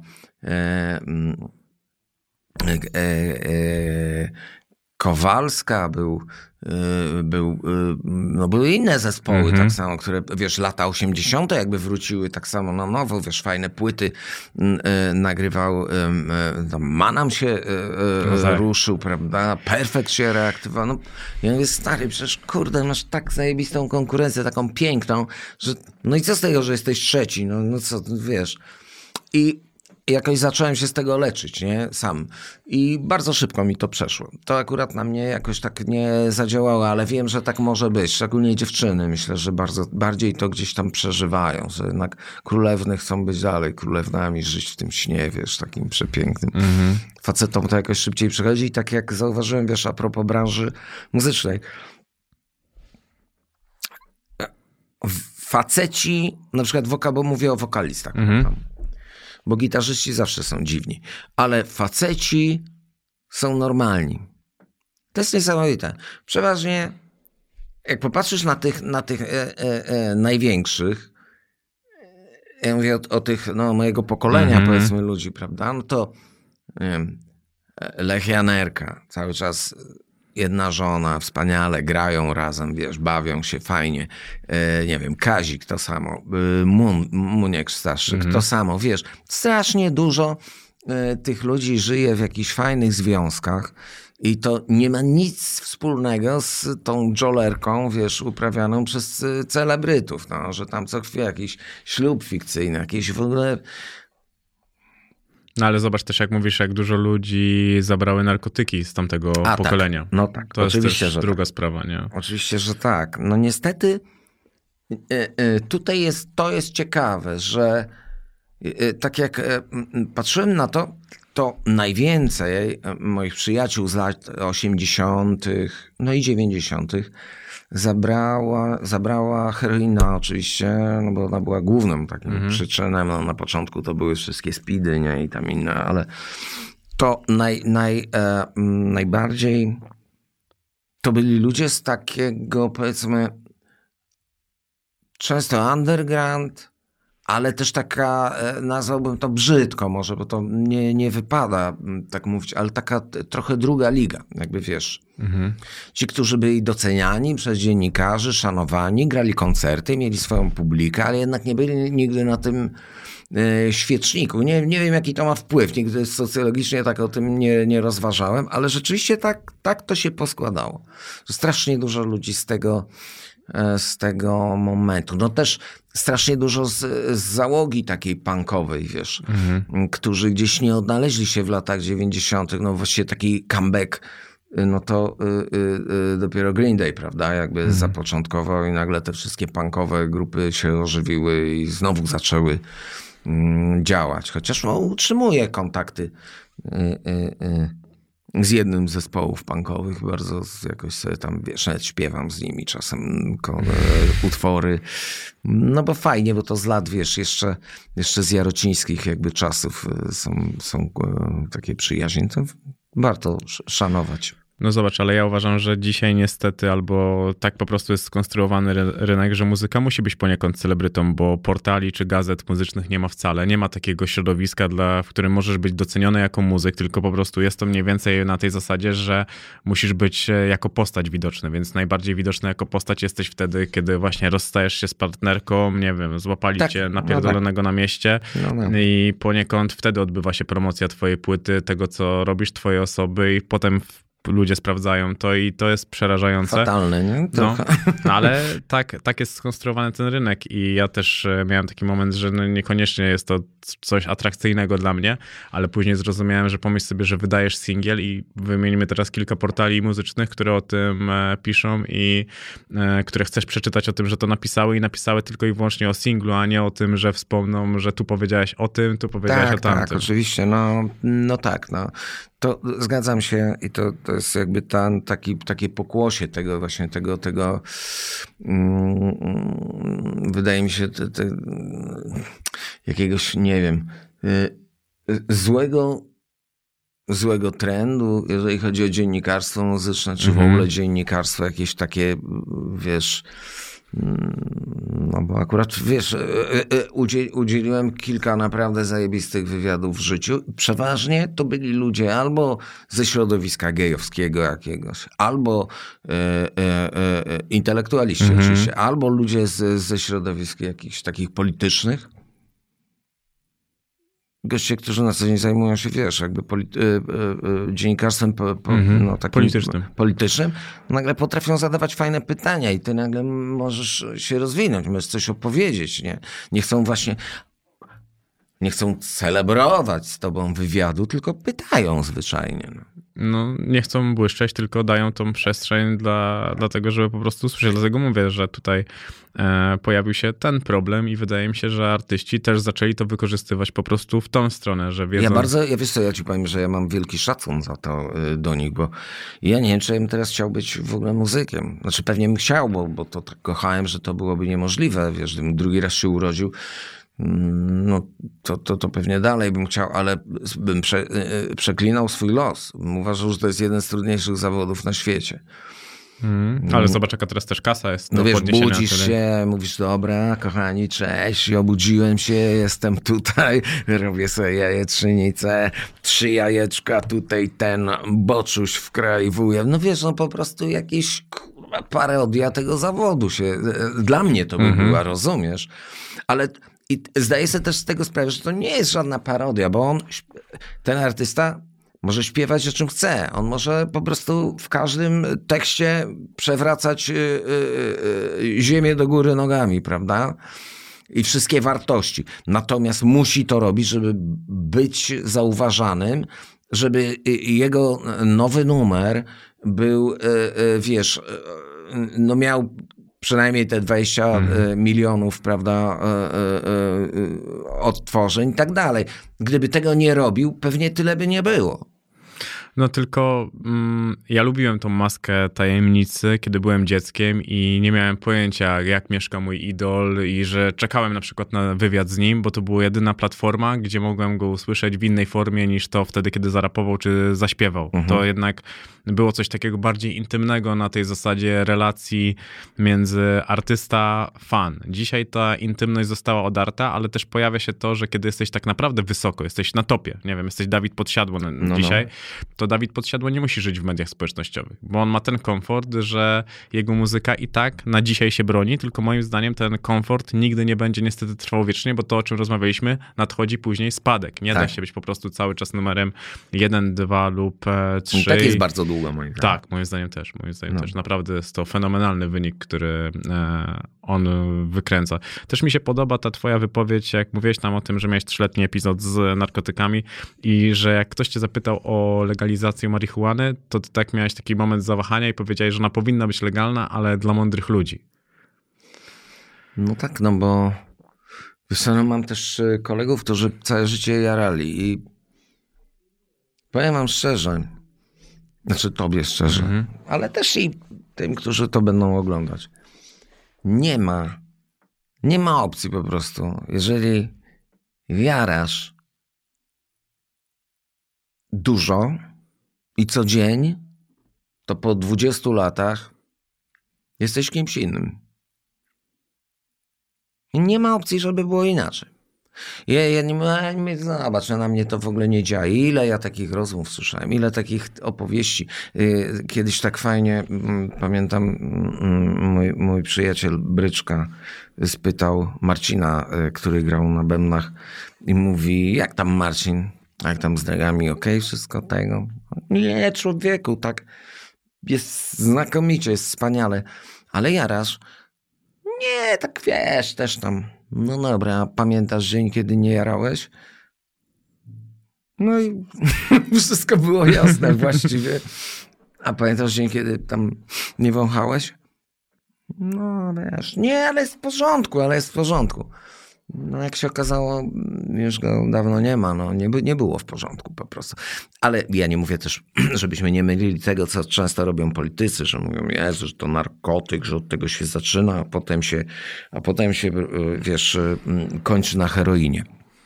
Wcale tak nie jest. W ogóle mało tego, ja uważam, że e, mm, na przykład znam ludzi, którzy całe życie palą mary, maryśkę i normalnie, y, mm, wiesz, no nie powiem, że normalnie percepują. Zmienili się, na pewno. Są e, bardziej abstrakcyjni, bardziej rozkojarzeni. Natomiast wiesz, zawodowo radzą sobie, dają radę w, wie- jakby e, w życiu, prawda? Czyli na tym poziomie takim podstawowym jest okej. Ja z kolei sam, os- e, natomiast, e, natomiast w ogóle branie narkotyków wydaje mi się, że to jest choroba i to nie ma w ogóle nic wspólnego z tym, czy jak będziesz palił maryśkę i zaczniesz od maryśki, to ty będziesz narkomanem. Ty możesz zacząć od alkoholu, który jest wszędzie i jest e, legalny i też zostaniesz narkomanem, bo to jest choroba. To jest po prostu takie uwarunkowanie psychiczne, które no tak twojemu mózgowi podoba się po prostu być w odmiennym stanie świadomości, że ty nie chcesz żyć w normalnym świecie. To jest dramat, ale to jest prawda. No, to, nie znam określeń medycznych tego, chociaż dużo się nauczyłem. W swoim czasie bym ci tutaj mógł wykład huknąć nawet, bo był taki czas, kiedy z wilkami jeździliśmy mm, e, Marcin po tam kolejnym odwyku, ale to już było tak, że postanowili go przypilnować i przez cały rok koncertów jeździliśmy z nim, a on, y, znaczy bez niego w samochodzie, a on jeździł swoim samochodem. Żeśmy się śmieli, z, jeszcze Andrzejek wtedy, mm, y, Smolik grał w Wilkach i śmieliśmy się z Andrzejem, że bo on tak co chwilę jakimś lepszym autem, nie? I my tam jakimś busem tam, nie, dojeżdżamy na koncert, a on nagle jakimś merolem wysiada z tego merola, bracie, z pałeczkami, pan bębniarz zespołu i i żeśmy wymyślili, że kurde, jeszcze dobrym patentem był jakby, wiesz, miał taką na ramieniu małpkę małą, nie? Albo papugę, tak ekscentrycznie, nie? Taki pan bębniarz wysiada, rozumiesz? No, ale to był fajny czas. Y, I no i widziałem, jak to wygląda po prostu, no, że jak my mm, gdzieś przez przypadek, bo nie mogliśmy pić piwa nawet, wiesz, przy nim. Mhm. I to nie był najlepszy sezon nasz, oczywiście. Naj, naj, na- nie najlepiej go wspominamy, Mm, mm, ale, ale, ale wiesz, ale no, kiedy tam się czasem gdzieś tam ten, no i jakieś piwo się pojawiło no, nawet do obiadu, wiesz, na stole i on gdzieś się pojawiał, to widziałem jak, jak, jak on reagował po prostu na to, że e, gdyby mógł natychmiast by się napił tego piwa, chociaż normalnie nie, nie nadużywał alkoholu nigdy Mhm. Ale tylko po to, żeby zmienić stan świadomości. Hmm. Dlatego jemu nie wolno było yy, yy, i dlatego tam no, jeździła z nim zawsze jakaś opiekunka, albo lekarz, albo jakaś yy, wyleczona, prawda, osoba. Mm. I później jeździł z królem, z królem blachy falistej.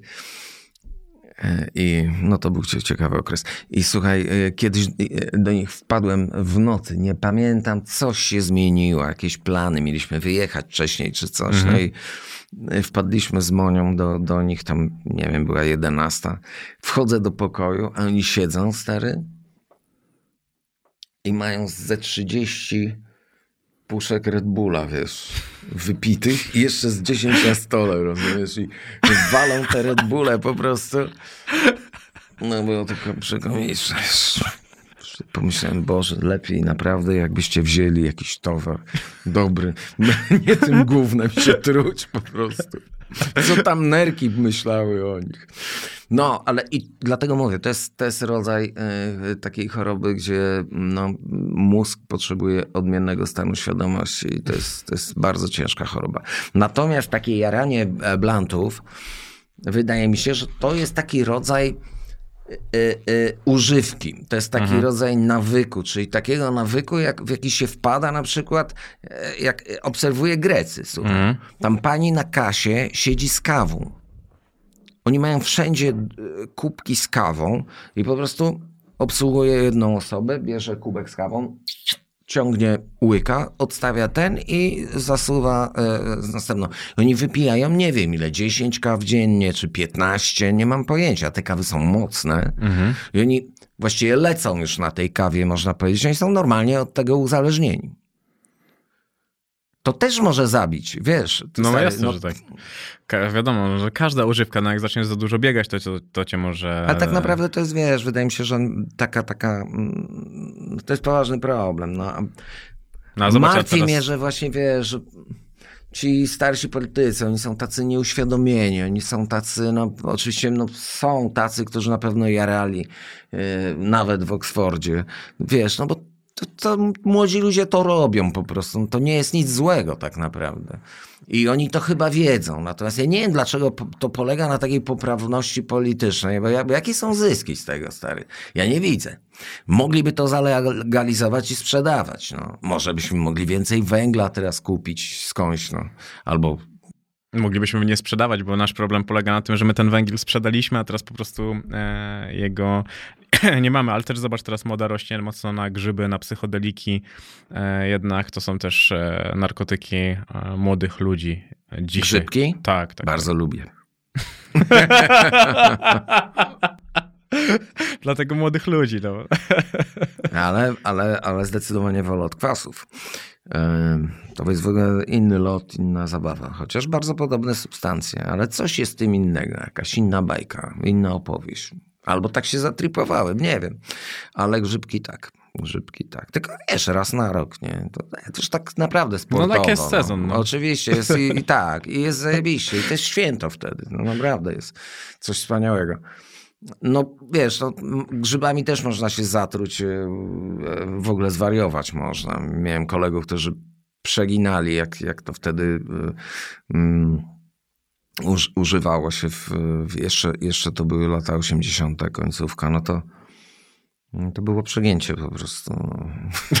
I ty lądowali właśnie w psychiatryku, Tak, wiesz, tak, bo to mieli problemy ten- straszne, wiesz. Yy, yy, A widziałeś... Różne, różne zjawiska takie chorobowe pojawiały się. Oczywiście one tam po jakimś czasie mijały. No ale niektórym trochę zostało, powiem szczerze. No, trzeba, trzeba na to uważać. To nie można przesadzać. No. No dzisiaj jesteś e, domatorem. Ty chyba tak ze skrajności w skrajność, co? No tak, no, ale wiesz co, w życiu trzeba poznać chyba wiele kolorów, wiele aspektów. Tak mi się wydaje, że to jest, że to jest takie nie... mm, Chciałbym bardzo jeszcze parę, parę projektów muzycznych e, zrobić, Mm, ale to już chyba będą solowe projekty. No to z Wilkami może jakąś płytę jeszcze nagramy, natomiast chciałbym nagrać przede wszystkim jak, jak, jak, jakąś płytę taką, taką muzeum uliczną. E, Chciałbym pojeździć po świecie, posłuchać takiej muzy przede wszystkim, co, co grają, to, wiesz, samemu usiąść na ulicy, wiesz, gdzieś w obcym kraju, gdzie mnie nikt nie zna, wiesz, pograć, zobaczyć, co działa, co nie działa. Takie rzeczy bym chciał, taką płytę bym chciał nagrać. Chciałbym nagrać płytę folkową bardzo też. Musisz tylko od konsoli odejść, to No. wtedy, wtedy znajdziesz trochę czasu. To nie, nie konsola, ja teraz PC. Nie, co? Naprawdę? No pewnie. O Jestem PC-towiec od, od lat. Konsola to był początek. Nie, no PC ma o wiele więcej możliwości. Jest taki bardziej, wiesz, lepsze gry można. Wiesz co, po dzisiejszej rozmowie ja uważam, że Red Bull powinien dać ci kontrakt reklamowy i powinien się jakiś dobry sprzęt do, do, do grania odezwać. A życie płyt dobiega końca, bo są za długie? Ja się nad tym zastanawiałem, że weże takich 60-sekundowych TikToków, czy... Wiesz co, myślę, że bardziej, że może wchodzimy w taką erę, tak jak było w latach 60., że maxi single albo wiesz, jakieś wydawnictwa typu czte, cztero, cztery numery, nie? Mhm. Jakieś trzy numery typu, typu singlowe, typu tam powiedzmy no radiowe, czy takie powiedzmy, no albo nie, to zależy jak to kombinuje, prawda? A jeden jakiś, na przykład jakaś, wiesz, dłuższa opowieść, ale no myślę, że wilki będą się skłaniać ku tego rodzaju wydawnictwom. Płyta to jest strasznie dużo roboty przy płycie. O wiele łatwiej i wiesz co, chyba to ma lepszy efekt. Tak e, powiem ci szczerze, bo masz nie nagrywasz, nie nagrywasz, nagle bach, wchodzisz do studia i w trzy dni robisz jeden numer. Mhm. I to ma totalny taki piart, no po prostu, że jesteś totalnie emocjonalnie, wiesz, na, skupiony tylko na jednej rzeczy, wiesz, na, na tym numerze, na tekście, y, y, żeby napisać tekst do niego, wiesz, że tu, a tak, a może tak, a może to gdzieś ten, a to przesuńmy, albo zróbmy. Kiedy nagrywasz 10 numerów, po pierwsze, ten czas się strasznie zaczyna wydłużać,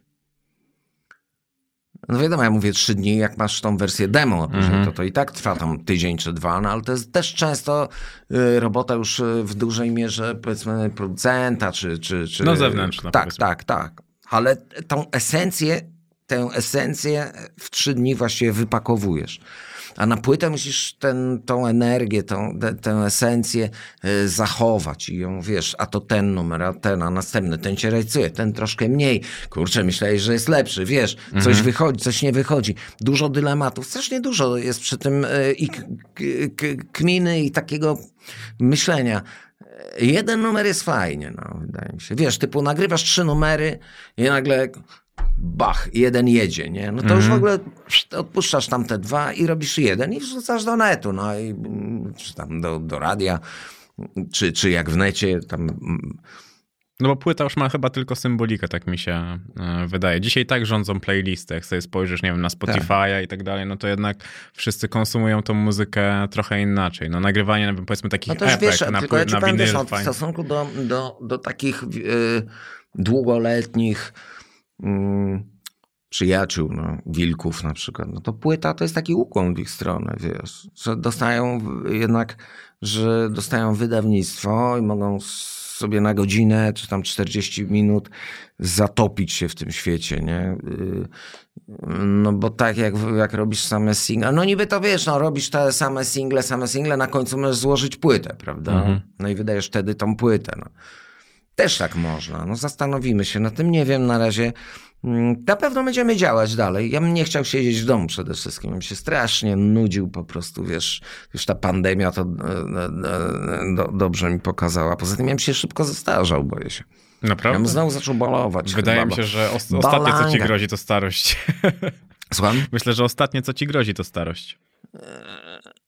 No to dziękuję ci bardzo za, za słowa, za słowa otuchy. Ale, ale rzeczywiście jest coś takiego, że mm, yy, No tak, wiesz, jak się siedzi w domu, to się siedzi. No. Ale nie masz takiego czegoś, że chciałbyś już odkrywać coś innego poza muzyką? Cezary Pazura miał ostatnio taki odcinek na jego kanale YouTube'owym, który bardzo lubię i tam e, Ja też lubię. dywagował o tym, jak mm, Brad Pitt powiedział, że kończy swoją karierę, że to, co już jest nagrane, to jest nagrane i to co już nic nie nagrywa i mówił, i tam przywołał też e, przykład Marka Konrada, że Marek Konrad po prostu poszedł w te wina, no i skończył swoją karierę.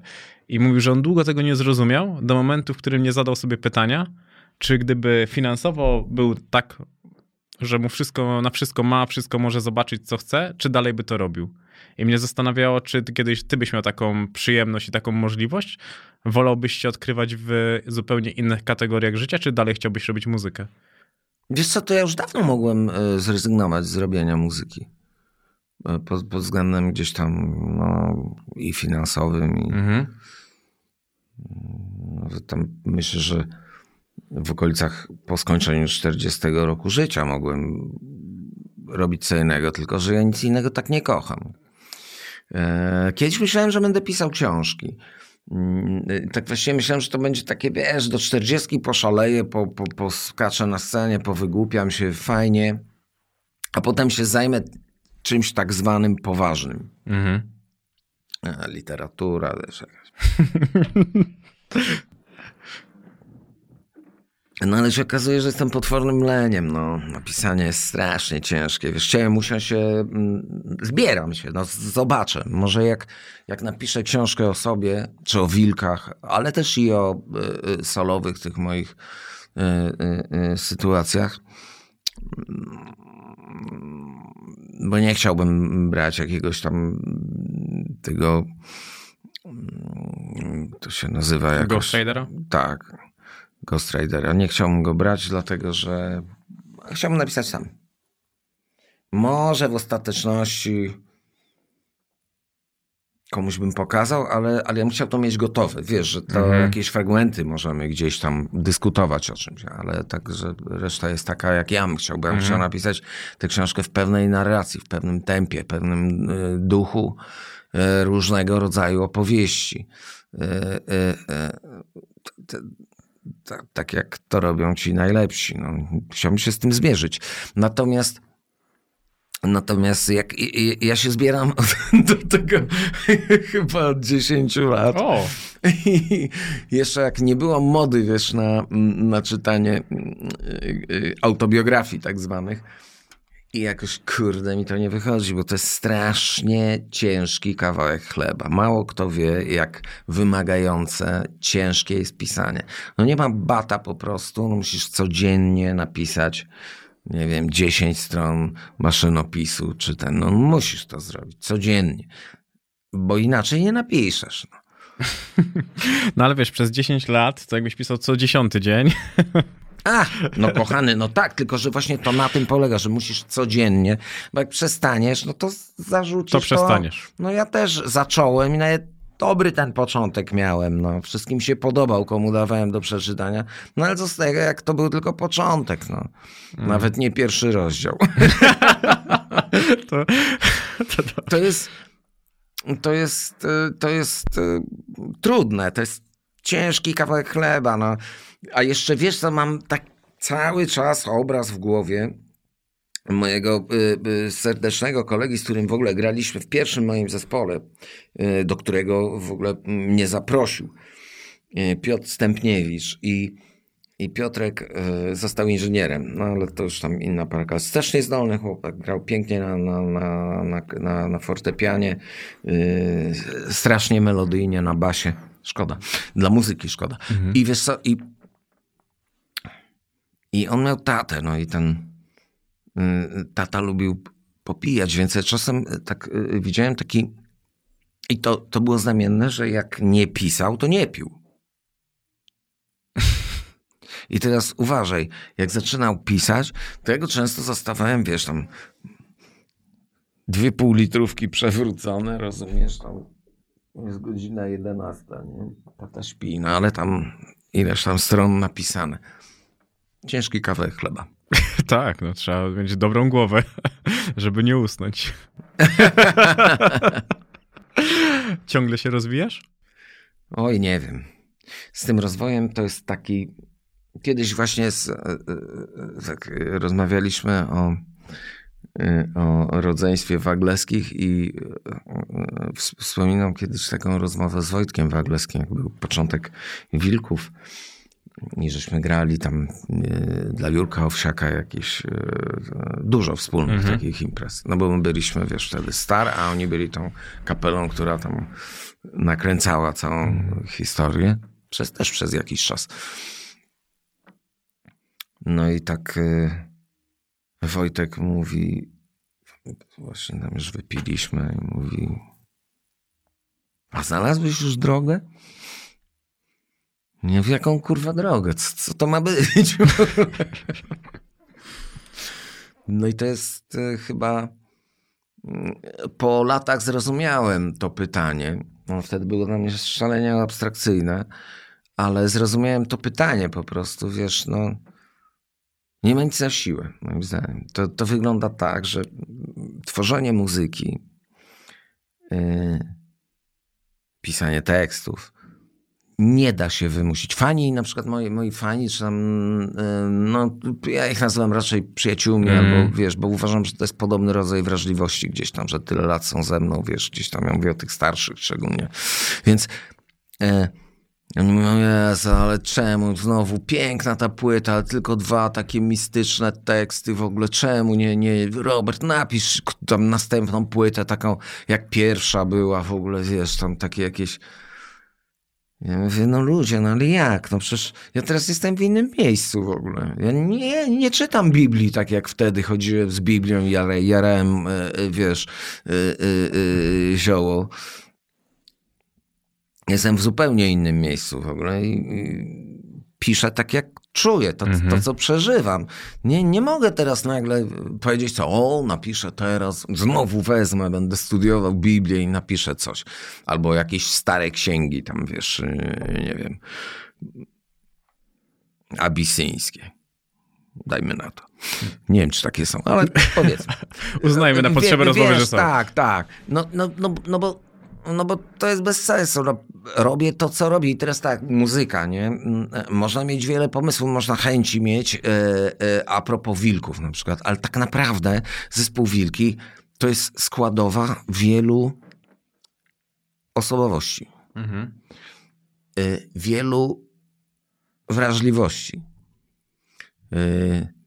I jak za, przenoszę numer i myślę sobie, kurde, ten numer to można by było pojechać w ogóle jakoś tak, nie? czasem okazuje się, że bębniarz zaczyna grać zupełnie inny beat. No ja przez chwilę słucham, myślę sobie, kurde, dobrze jedzie. Tak dobrze jest. Nie? Basista mm. zaczyna grać i nagle wow, fajnie. W życiu bym nie wpadł nieraz na to. Wiesz, grając na mhm, gitarze no, ten utwór, wymyślając melodię, tam jakiś refren zwykle, wiesz, polski, coś a to dobrze jedzie. Dlatego i to jest jed, jakaś droga. Właśnie to, co, to, co mm. wtedy wytyczył. To jest droga, którą porusza się zespół Wilki. Gdzieś tam w jedną stronę trochę skręcamy, wiesz, jedziemy lewym pasem, potem prawym, ale to jest jedna droga. Mm.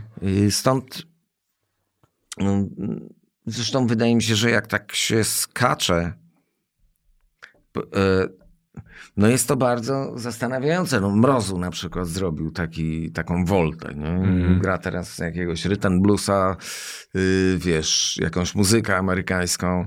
Fenomenalny jest dla mnie. No właśnie. To jest świetne, tylko tyle, że no, kompletnie z czegoś innego zaczynał. Wiesz, to jest taka, tak, w tak krótkim czasie gdzieś tam, no może 10 lat minęło, nie? 10 na pewno.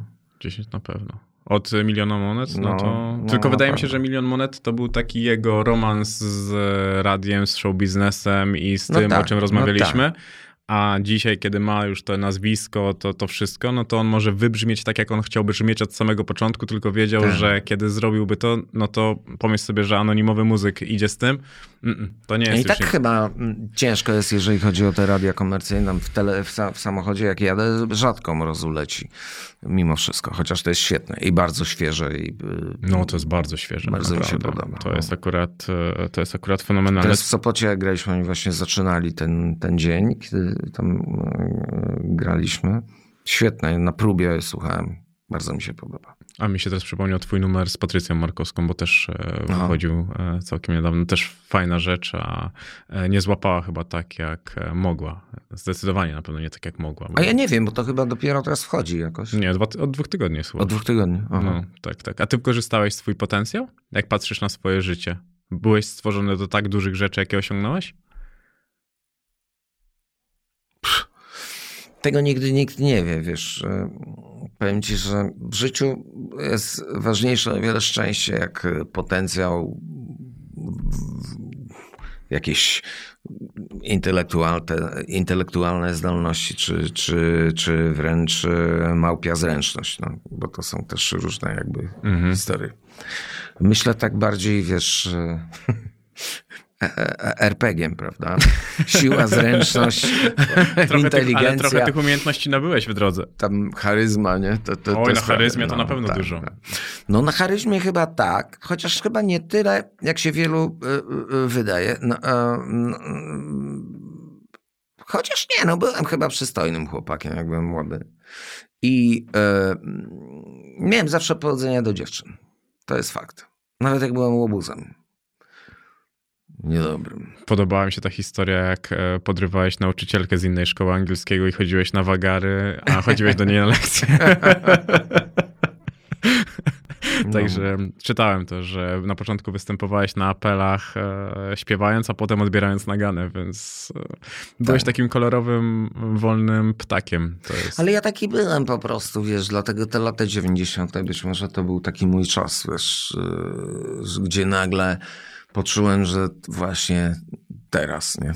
Mhm. Że teraz można, że teraz będzie super. Że teraz otworzę skrzydła i, i to poleci dalej. Ja, ja właśnie chciałbym, to co ci powiedziałem przed rozmową o tej książce, że jeszcze to nie wiedziałem, że w ogóle cokolwiek planowałeś pisać, ale dla mnie takie książki są istotne, bo jak oglądałem ostatnio film o Elvisie, to byłem załamany tym, że ta historia jest tak e, wybielona, że on chciałby, tam ten film pokazuje jakby w Nie ogóle... widziałem tego jeszcze. No i to jest dla mnie, mm, dla mnie te, te historie tych ludzi są dużo bardziej głębokie i w tym bałaganie, którym oni się otaczali, to nie chodzi o to zło.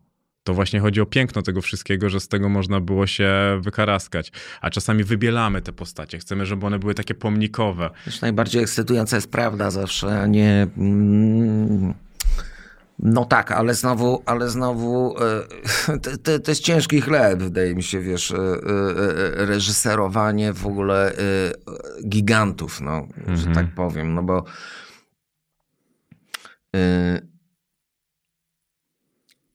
The Doors na przykład, ten, ten film, prawda, no to tam z kolei, i to były lata 90., można było o wiele więcej pokazać i ten... I też zarzucano reżyserowi, pamiętam, że, że tak, że pokazał, że taki, że to brud taki, że taki, wiesz, później ten gruby siedział, no co masz do dużego ssaka, wiesz, no tam, to, to, to. A ja myślę, że to mogło być jeszcze gorzej, wiesz. I to Ale, pewnie no. było dużo gorzej, tylko, wiesz co, są e, takie, wydaje mi się, gdzieś ramy, nie, że jak ro, robisz, czy piszesz nawet o czymś, no to trzeba się poruszać w jakichś ramach. To wtedy ma większy sens i e, e, większą taką siłę rażenia. Mm, Więc e, wydaje mi się, że tamten film, jak oglądam go dzisiaj, wydaje mi się, że to jest taka trochę dołująca wizja w ogóle całego zespołu jakby i wiesz, y, ja myślę, że tam nie poruszono wielu wątków jeszcze, na przykład, bo- nie widziałem Presleya, ale widziałem The Doors, a tam wiesz, nie było wątków właściwie y, zespołu. Co było trochę krzywdzące dla nich, moim zdaniem, że tam jakby Jimbo się wysforował i on był jakby główną, y, główną postacią tego filmu. Bo jednak tam były, tam były konflikty z tym Dainsmorem, tam był, no tam Dainsmore nie kumał w ogóle wtedy o czym śpiewa ten Morrison. Tak mi się wydaje, no. To był fajny chłopak, fajny bębniarz, gdzieś tam grał jazz, coś tam grał, jakiś big beat nazwijmy to i tu nagle gra z jakimś y, mazarkiem, to pewnie myślał, że to jakiś taki klasyczny muzyk, nie? No i z jakimś fajnym gitarzystą, nie? I, A ten wychodzi i co on robi? Co to za cyrk jest w ogóle? Chciał, chciałby zawodowy zespół mieć, żeby to wszystko działało. Tak, tak, tak to sobie wyobrażam. No. Zresztą on nie zmądrzał do końca życia, więc yy, no może jeszcze zmądrzeje, bo on chyba żyje, ale to co mówił po prostu, jak Mazarek chciał reaktywować mm, e, Doors, wiesz, mm. w 2000, 2000 latach, no to po prostu było skrajnie idiotyczne i tak naganne w ogóle, wiesz. Dobra. Y, ale tak, ja nie widziałem y, Presleya, ale zgadzam się z tą, że jeżeli to zostało wybielone, to, to Presley. Y, nie, stary, ci... to był król. Do tej pory wszyscy w Ameryce mówią o nim, że to był król. Nie, e, e, e, nie wiem. Nie ma zresztą, zobacz, że nie ma żaden facet do tej pory E, e, oprócz BB Kinga oczywiście, mm -hmm, no, ale to jest zupełnie jakby inna para kaloszy. Nie ma żaden facet nigdy w show biznesie nie nazwał się królem. Bo wszyscy wiedzą, że to był Presley. Więc no to musiało coś znaczyć. Wiesz, to odległe nawet dla mnie są to czasy, ale to musiało znaczyć coś kolosalnego. Jego popularność musiała być tak wszechobecna jak Beatlesów. No. Wiesz, to był gigant, absolutny gigant.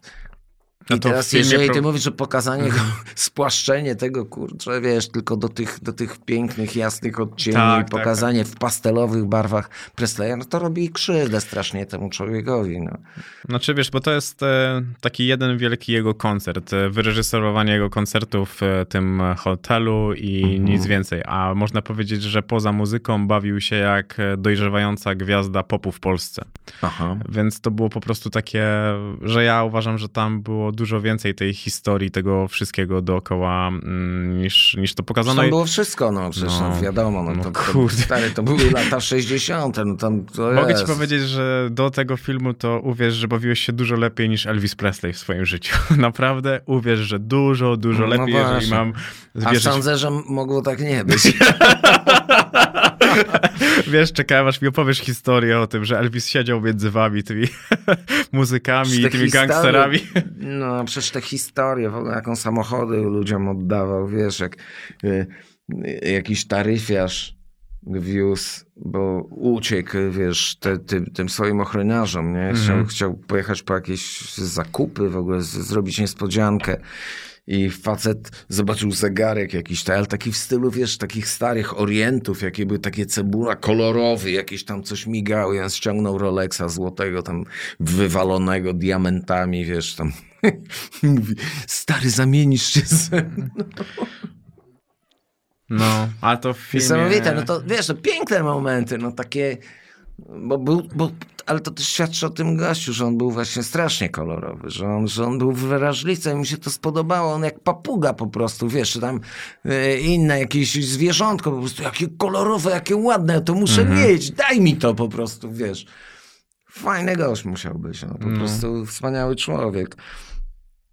E, no, i myślę, że też grubo się bawił, grubo, grubo. No właśnie, dla mnie tam właśnie nie ma tych konsekwencji tego życia. Tego właśnie, jak jesteś na topie, tego jak trochę zjeżdżasz. Y, za mało jest tego wszystkiego, a wydaje mi się, że wtedy ludzie właśnie spostrzegają artystów jako ludzi, którzy wygrali życie, którzy nie mają problemów, tylko po prostu te problemy są wielopoziomowe i one na tym poziomie, na którym jest artysta, wiążą się zupełnie z czymś innym. No jest brak zaufania, bo kiedy odnosisz sukcesy, zaczynasz wątpić, czy ten ktoś jest tutaj z tobą, bądź cię lubi, czy dlatego, że stawiasz mu teraz wódę, bo on akurat nie ma i tak. że ty jesteś gwiazdą i tak dalej. Te poziomy są po prostu na innym poziomie i wydaje mi się, że zajebiście jest edukować tych ludzi. Ja często robiąc te podcasty właśnie zahaczam o te wątki, bo to pokazuje, że jesteś człowiekiem takim samym jak każdy inny, który idzie po przechodni, tylko spełniłeś swoje marzenia. Wiesz, no, zgadzam się, no. To e, e, życie zresztą jest to pozbawione tych tych dołków, spadków, gór. Po czasie stwierdzam, że nie miałby w ogóle. No, nie byłoby pełnią życia, nie żyłbyś pełnią mm. życia. Jakby się, ja pamiętam taki moment, kiedy żeśmy ponieśli taki krach finansowy, że znaleźliśmy się na skraju w ogóle jakiejś takiej, no. I jakie to było dla mnie fajne, po czasie oczywiście. Mhm. E, Jak, e, bo żeśmy zaczęli dom budować, e, e, właściwie tam robić remont, kupiliśmy dom, robiliśmy remont, a ponieważ wydawaliśmy strasznie dużo pieniędzy, nie mieliśmy żadnych pieniędzy odłożonych tam specjalnie. I, I ten remont kosztował, jak się okazało, więcej niż ten dom nawet. No i i, i, i robiliśmy to i w pewnym momencie już tak się stało, że nie mieliśmy, no straciliśmy płynność, to się ładnie nazywa, prawda, finansową. I ja jechałem na próbę, zawsze na próbę kupowałem, wiesz, tam ulubione piwa wszystkich kolegów, tam w ilości po cztery. No i ten, no wiesz, tam jechałem na 6 godzin, nie? Graliśmy w ogóle ten, no to spożywaliśmy trochę tego piwa w ogóle. Cztery to wiesz. bardzo skromnie. Skromnie, tak. My nie, nie, na próbach nie łoiliśmy, że tak powiem. No bo tam się gra, no to takie... Oczywiście do tego dochodziły inne rzeczy, ale... ale te, te tak nie pogrążają wiesz, w, w Wiem, bo wystarczyło rzucić wędkę, ja wiedziałem, że... No więc, wiesz co, y, y, i, i w pewnym momencie nagle właśnie to był comeback Wilków, e, 2000 chyba pierwszy rok, albo no jakoś tak, 2000 rok. I y, jak to, jeszcze powiem jedno słowo, bo jak my wr- wróciliśmy, my się spotkaliśmy z Mikisem tam w, w Sylwestra, którego zrobił w ogóle Jarek Szlagowski. I Na 150 osób w domu rodzinnym. no właśnie, tak. I kurczę, i mówi, stary, przyjdź, chcę tak, żeby, wiesz co, to, to był 2000 rok właśnie, żebyśmy tak obeszli, tam wiesz, wszystkich znajomych ze starych lat, pierwszy skład mojego zespołu, jakieś tam, wiesz, zapraszam ludzi w ogóle takich, których lubię i ten, i, i grałem z nimi i szanuję. No i, no i że tam rzeczywiście było bardzo wesoło, bardzo, bardzo dobra impreza, udany Sylwester. I, i spotkałem Mikisa i mówię, cześć. No, Wiesz, i tak wiesz, po latach, no to jak z bratem się przywitałem, bo tyle już nas łączyło przez te trzy lata, czy trzy i pół, tak intensywne, no że to traktowałem jak rodzinę. I żeśmy wzięli po butelce szampana, no i żeśmy wytrąbili we dwóch. No i gadamy, gadamy sobie i... Mm, Oczywiście Monia była z nami też y, i, i żeśmy mm, ustalili, że po prostu Mikis właściwie. Ja mówię, a co ty robisz? A gdzieś tam pracuję w jakimś biurze, tam jakieś sondaże, tam coś tam. Ja mówię, Jezu, i co, dobrze ci z tym? No nie, tam wiesz, mówi, no w sumie to właśnie chciałem cię poprosić. Pomyślałem sobie, jak przyjdziesz, jak będziesz, to to może pogadamy, bo tak to się krępowałem, trochę zadzwonić.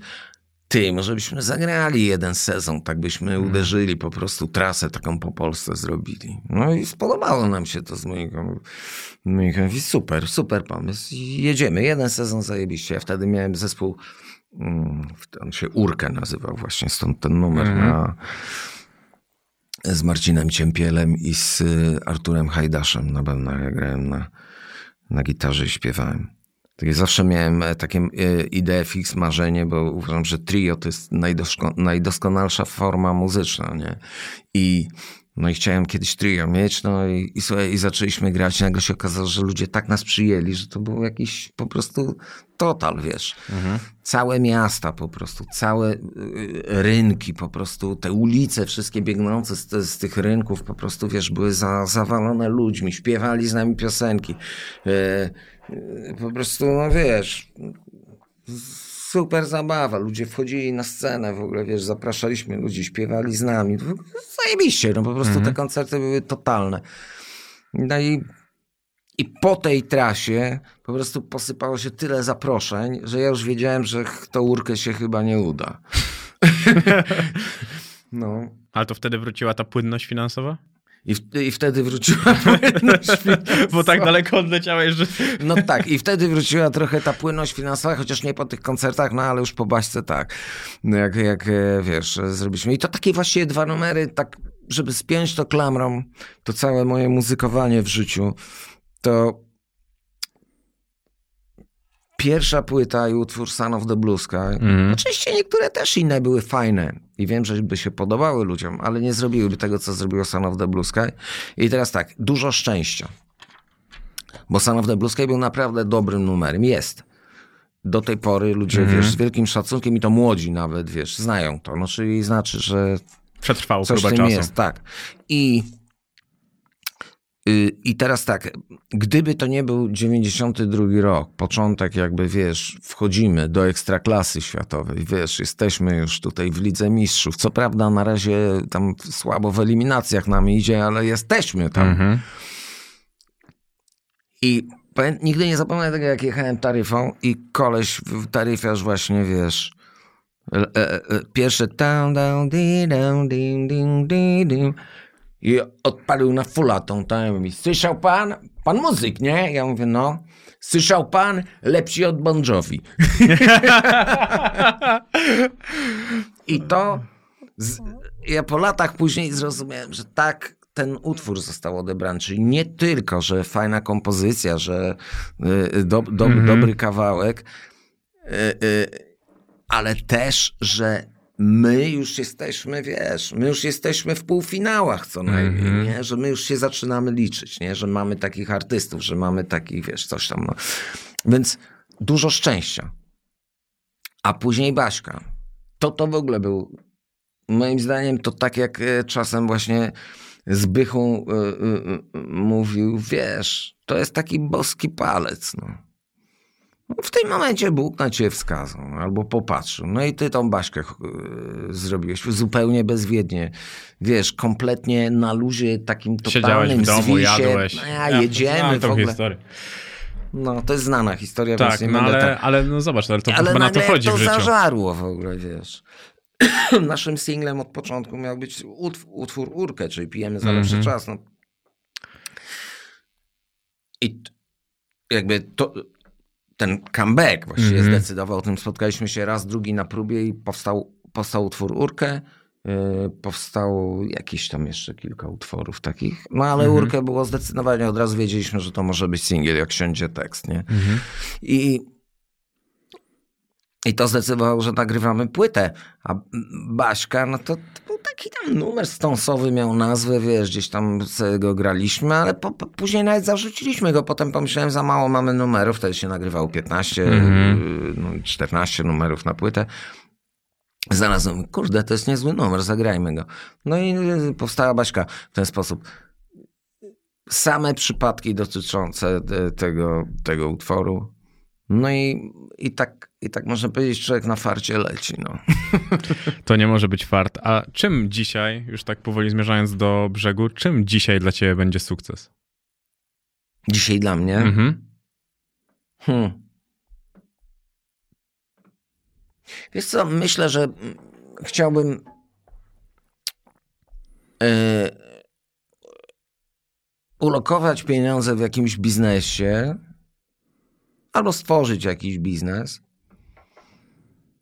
e, w któ- z którego mogliby e, spokojnie, czy w którym mogliby się realizować moi synowie, ale też i czerpać e, dochody z niego i przejąć go po mnie. Nie? Mhm. Czyli taki, taką schedę im zostawić, wiesz. Czyli można powiedzieć, że mógłbyś zrobić wytwórnię muzyczną. Mm, Może, ale zawsze chciałem. To Monia mnie zawsze mówi, nie, to mówi straszny problem, to kurde. Ona wie najlepiej, jak się żyje z artystami. No, na pewno. No Monika też, Monice też wielu artystów proponowało, żeby została ich menadżerem. No.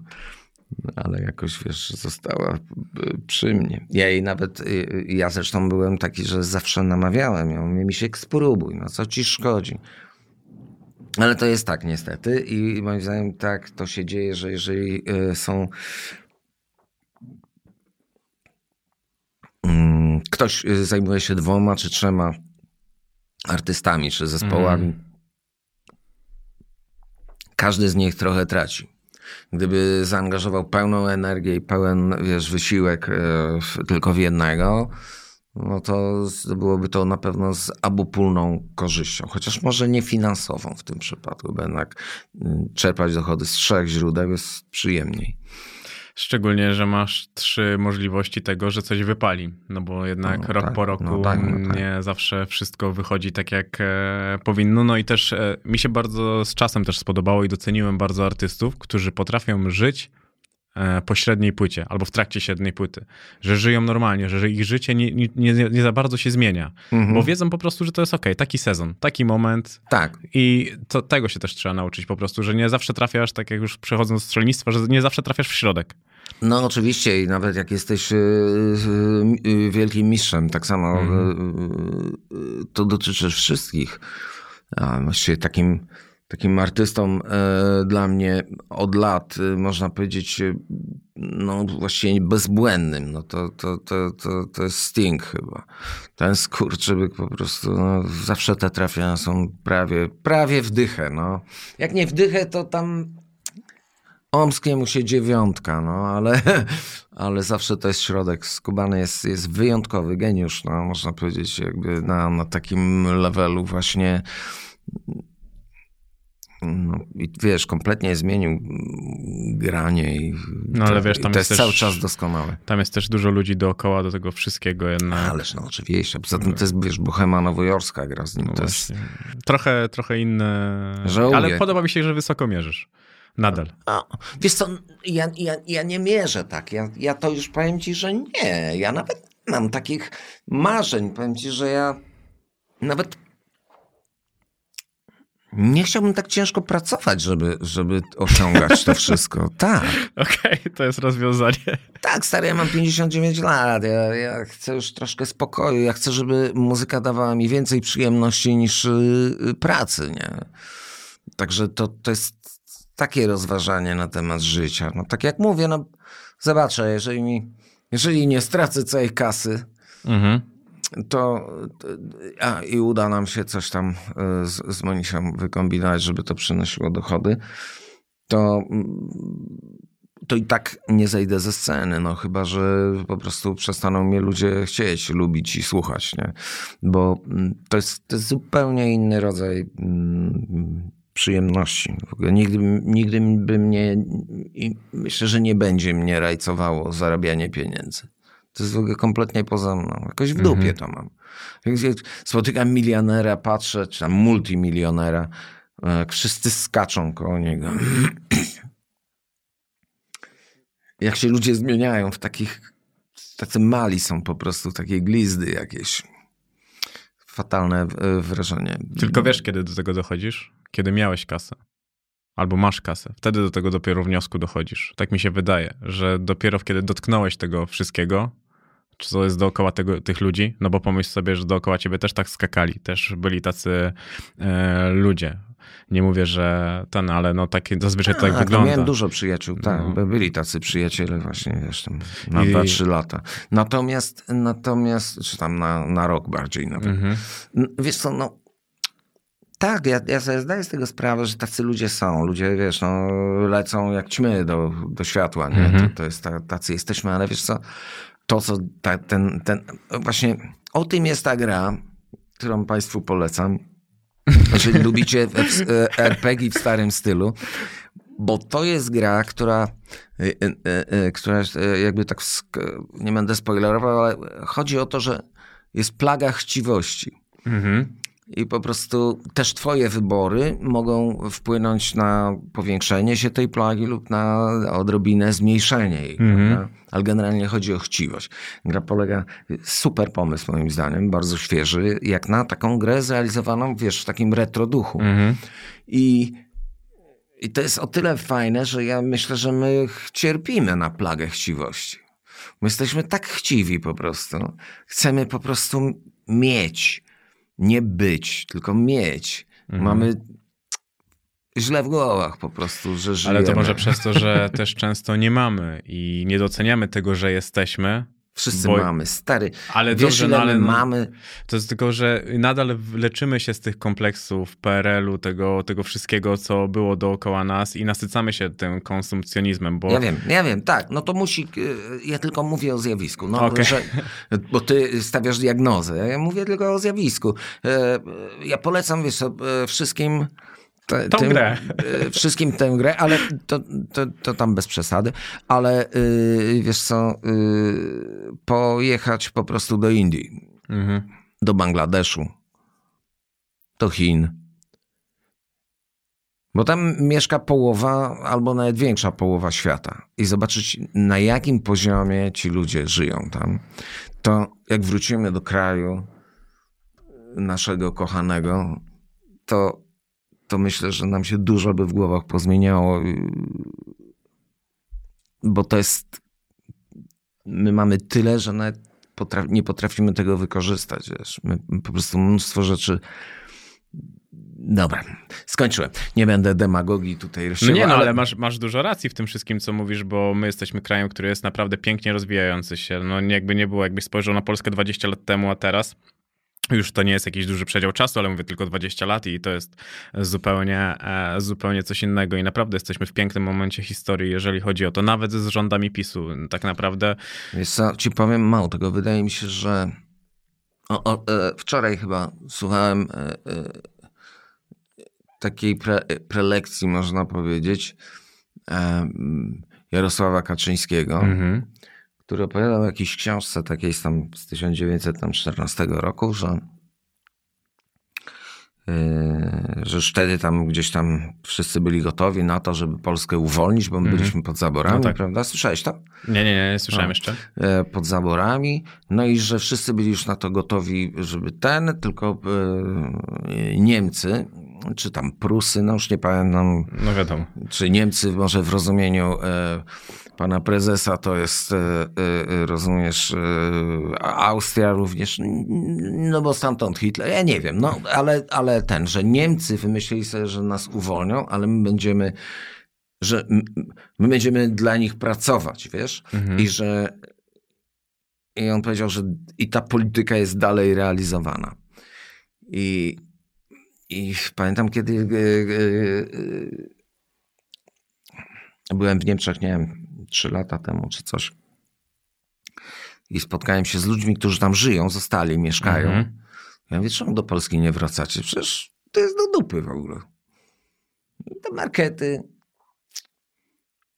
To nie będę mówił o którym rejonie, Mhm. nie wiem, jest ten biedniejszy zdecydowanie. Ale tam jest taka różnica na przykład między Bawarią a, a tym rejonem stary, że w Polsce nie ma takiej różnicy. Także my mówimy, a i że, i że my nigdy nie będziemy, wiesz, że, że my zawsze będziemy musieli być dużo biedniejsi od Niemców i będziemy wtedy dla nich pracowali. A ja uważam, że to jest jakaś wierutna bzdura, bo my właściwie już jesteśmy na bardzo bliskim poziomie Niemców. E, wyo, w, wiesz, wyobraź sobie, że mm, w latach 90. e, te pieniądze, które ja zarabiałem, a ja dużo zarabiałem, jak na owe czasy Mhm. mogłem sobie za roczne, za roczne pensje, powiedzmy z, samego ZAX-u kupić y, no, jedną willę y, bardzo blisko Warszawy albo dwie tam powiedzmy no, na obrzeżach Warszawy. Mhm. To tyle zarabiał hydraulik, y, wiesz, zręczny hydraulik w Niemczech. Mhm. Więc w tej chwili nie ma takich dysproporcji. No. No nie ma, nie ma. No Ale wiesz, muzycznie... to się tak strasznie zmieniło. Oczywiście, Niemcy są bogaci. Mhm. To jest, ale, ale też no, my, się, my się lubimy, wiesz, my jesteśmy też trochę tacy, że my chcemy się, my się chcemy zmierzyć, wiesz, najchętniej z Ameryką byśmy się mierzyli. Tymczasem ja na przykład już przestałem lubić Amerykę. W ogóle stałem się totalnym Europejczykiem, jeżeli już tak w ogóle mam się nazywać jakoś. Oczywiście jestem Polakiem, ale ja jestem fanem Europy. Nie mam, chociaż miałem w 90 latach totalne zachłysnięcie się Ameryką. Jezu, tam Kalifornia, w ogóle Nowy Jork, jakie to było zajebiste. Faktycznie Nowy Jork był wtedy zajebisty. E, Kalifornia też. A teraz już e, e, LA, już wiesz, m, m, nasi znajomi tacy serdeczni się wyprowadzili z LA, no bo tam już Już, już nie ma bohemy, już nie ma różowych gejów, wariatów, artystów, którzy, wiesz, y, jakby wypełniali czymś fajnym, taką energią, wiesz, y, y, to miejsce, tylko raczej są bank, banksterzy, wiesz, banki, firmy jakieś mhm. grube. Mm. To miasto stało się takie, wiesz, jakby roz... kiedyś to było tylko w downtown, a, a tutaj w ogóle ludzie se żyli, wiesz, jak, jak wolne ptaki. No ale ale rzeczywiście wtedy to było piękne, wtedy, wtedy te, te, te, te, miejsca były wspaniałe. Natomiast w tej chwili Ameryka jest dużo gorszym krajem do życia jak Polska, moim zdaniem. I trudniejszym nawet, -hmm. powiedziałbym. E, to jest może, e, oczywiście, że tam e, wybi wybitni ludzie zarabiają wybitne pieniądze. Tak, na pewno ta dysproporcja jest o wiele większa w Ameryce. Czyli mhm. wybitny chirurg jest prawdopodobnie multimilionerem nawet, wiesz, tam po mhm. wieku 60 lat powiedzmy. A u nas niekoniecznie. Natomiast jeżeli nie jesteś wybitny, to nie pchaj się do Ameryki. No, bo co, no i też druga sprawa, 1000, że... 1500 dolarów i, i będziesz pracował przy azbeście tak zwanym. No, ja żartuję, bo już tego mało zostało, ale wiesz, no ale to jest tego typu robota. No będziesz tam w karłoszni po prostu, wiesz, tyrał. No. To nie jest wcale raj na ziemi w ogóle już. Czyli a my się mierzymy z Niemcami, najpotężniejszym krajem Europy w ogóle, y, wiesz, y, y, pod względem, no potężniejszy kraj, wiesz, od, od, od, od Anglii, no. Nie, no ja uważam akurat, że tutaj masz bardzo, bardzo dużo racji, szczególnie nawet o ten próg wejścia w Stanach. Pomyśl sobie, jak tam ciężko jest się przebić, że może zarabiasz wybitne pieniądze, jak jesteś wybitny, ale naprawdę ten, tych stopni do, na, na samą górę jest zdecydowanie więcej niż e, tutaj e, u nas, więc... Stary, jak nie jesteś, nie masz e, krewnych albo nie jesteś e, po prostu, e, powiedzmy to szczerze, Żydem, to nie zrobisz kariery jako prawnik nie ma bata po mm. prostu. Do, do, do tych palestr się nie dostaniesz, albo będziesz jakimś tam, wiesz, no, pracował w jakimś biurze, tam nie wiem, kim zostaniesz, jakimś tam gościem, który średnio, no middle, middle class, jak to mm. mówił kiedyś pan Pietrzak, prawda? No to kimś takim nie zabędziesz, nie będziesz obsługiwał multimiliarderów, nie będziesz zarabiał strasznie grubego hajsu. Więc to jest dziwny kraj.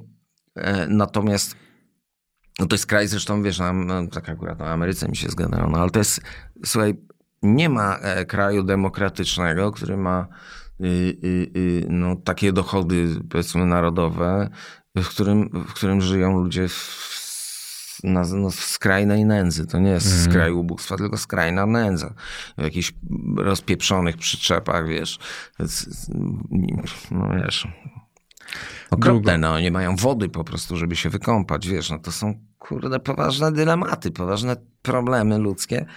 A my cały czas, wiesz, my cały czas mamy ten kompleks, szczególnie starsze pokolenie właśnie, że my jesteśmy ciągle w dupie. Otóż dawno już przestaliśmy. I, i tylko trzeba po prostu cieszyć się i być dumnym z tego, że, że, że, że jesteśmy w tym miejscu. Mhm. Trzeba po prostu popatrzeć uważnie w lewo, w prawo i cieszyć się tym, co mamy. I nie fikać za bardzo do Putina jednak. Co słuszna Zresztą, uwaga. Tak samo jak do tych Niemców, też nie ma sensu tam fikać. Znaczy no, uważam, że najlepiej się skupić na sobie. Trzeba być mądrym, tak. Pracować ciężko, fajnie, yy, wiesz, myśleć, dobrze yy, prosperować i to, a później Później to już będą musieli też y, być może z nami się liczyć. Jest, uważam, że jesteśmy świetnym narodem do tego, żeby osiągać wielkie rzeczy, bo naprawdę jeżeli chodzi o jednostki, to uważam, że świetnie myślimy. Mamy taki po prostu umysł, który potrafi czynić e, wielkie, wielkie rzeczy. Ale oczywiście, zobacz, pojawiły się pieniądze te już w, w latach 90. po prostu. Oczywiście, że to była no, taka jakaś pełna amatorka, nie? Ale ludzie zaczęli naprawdę od razu pracować. Mhm. Przecież my w tej chwili nie pracujemy mniej od Niemców.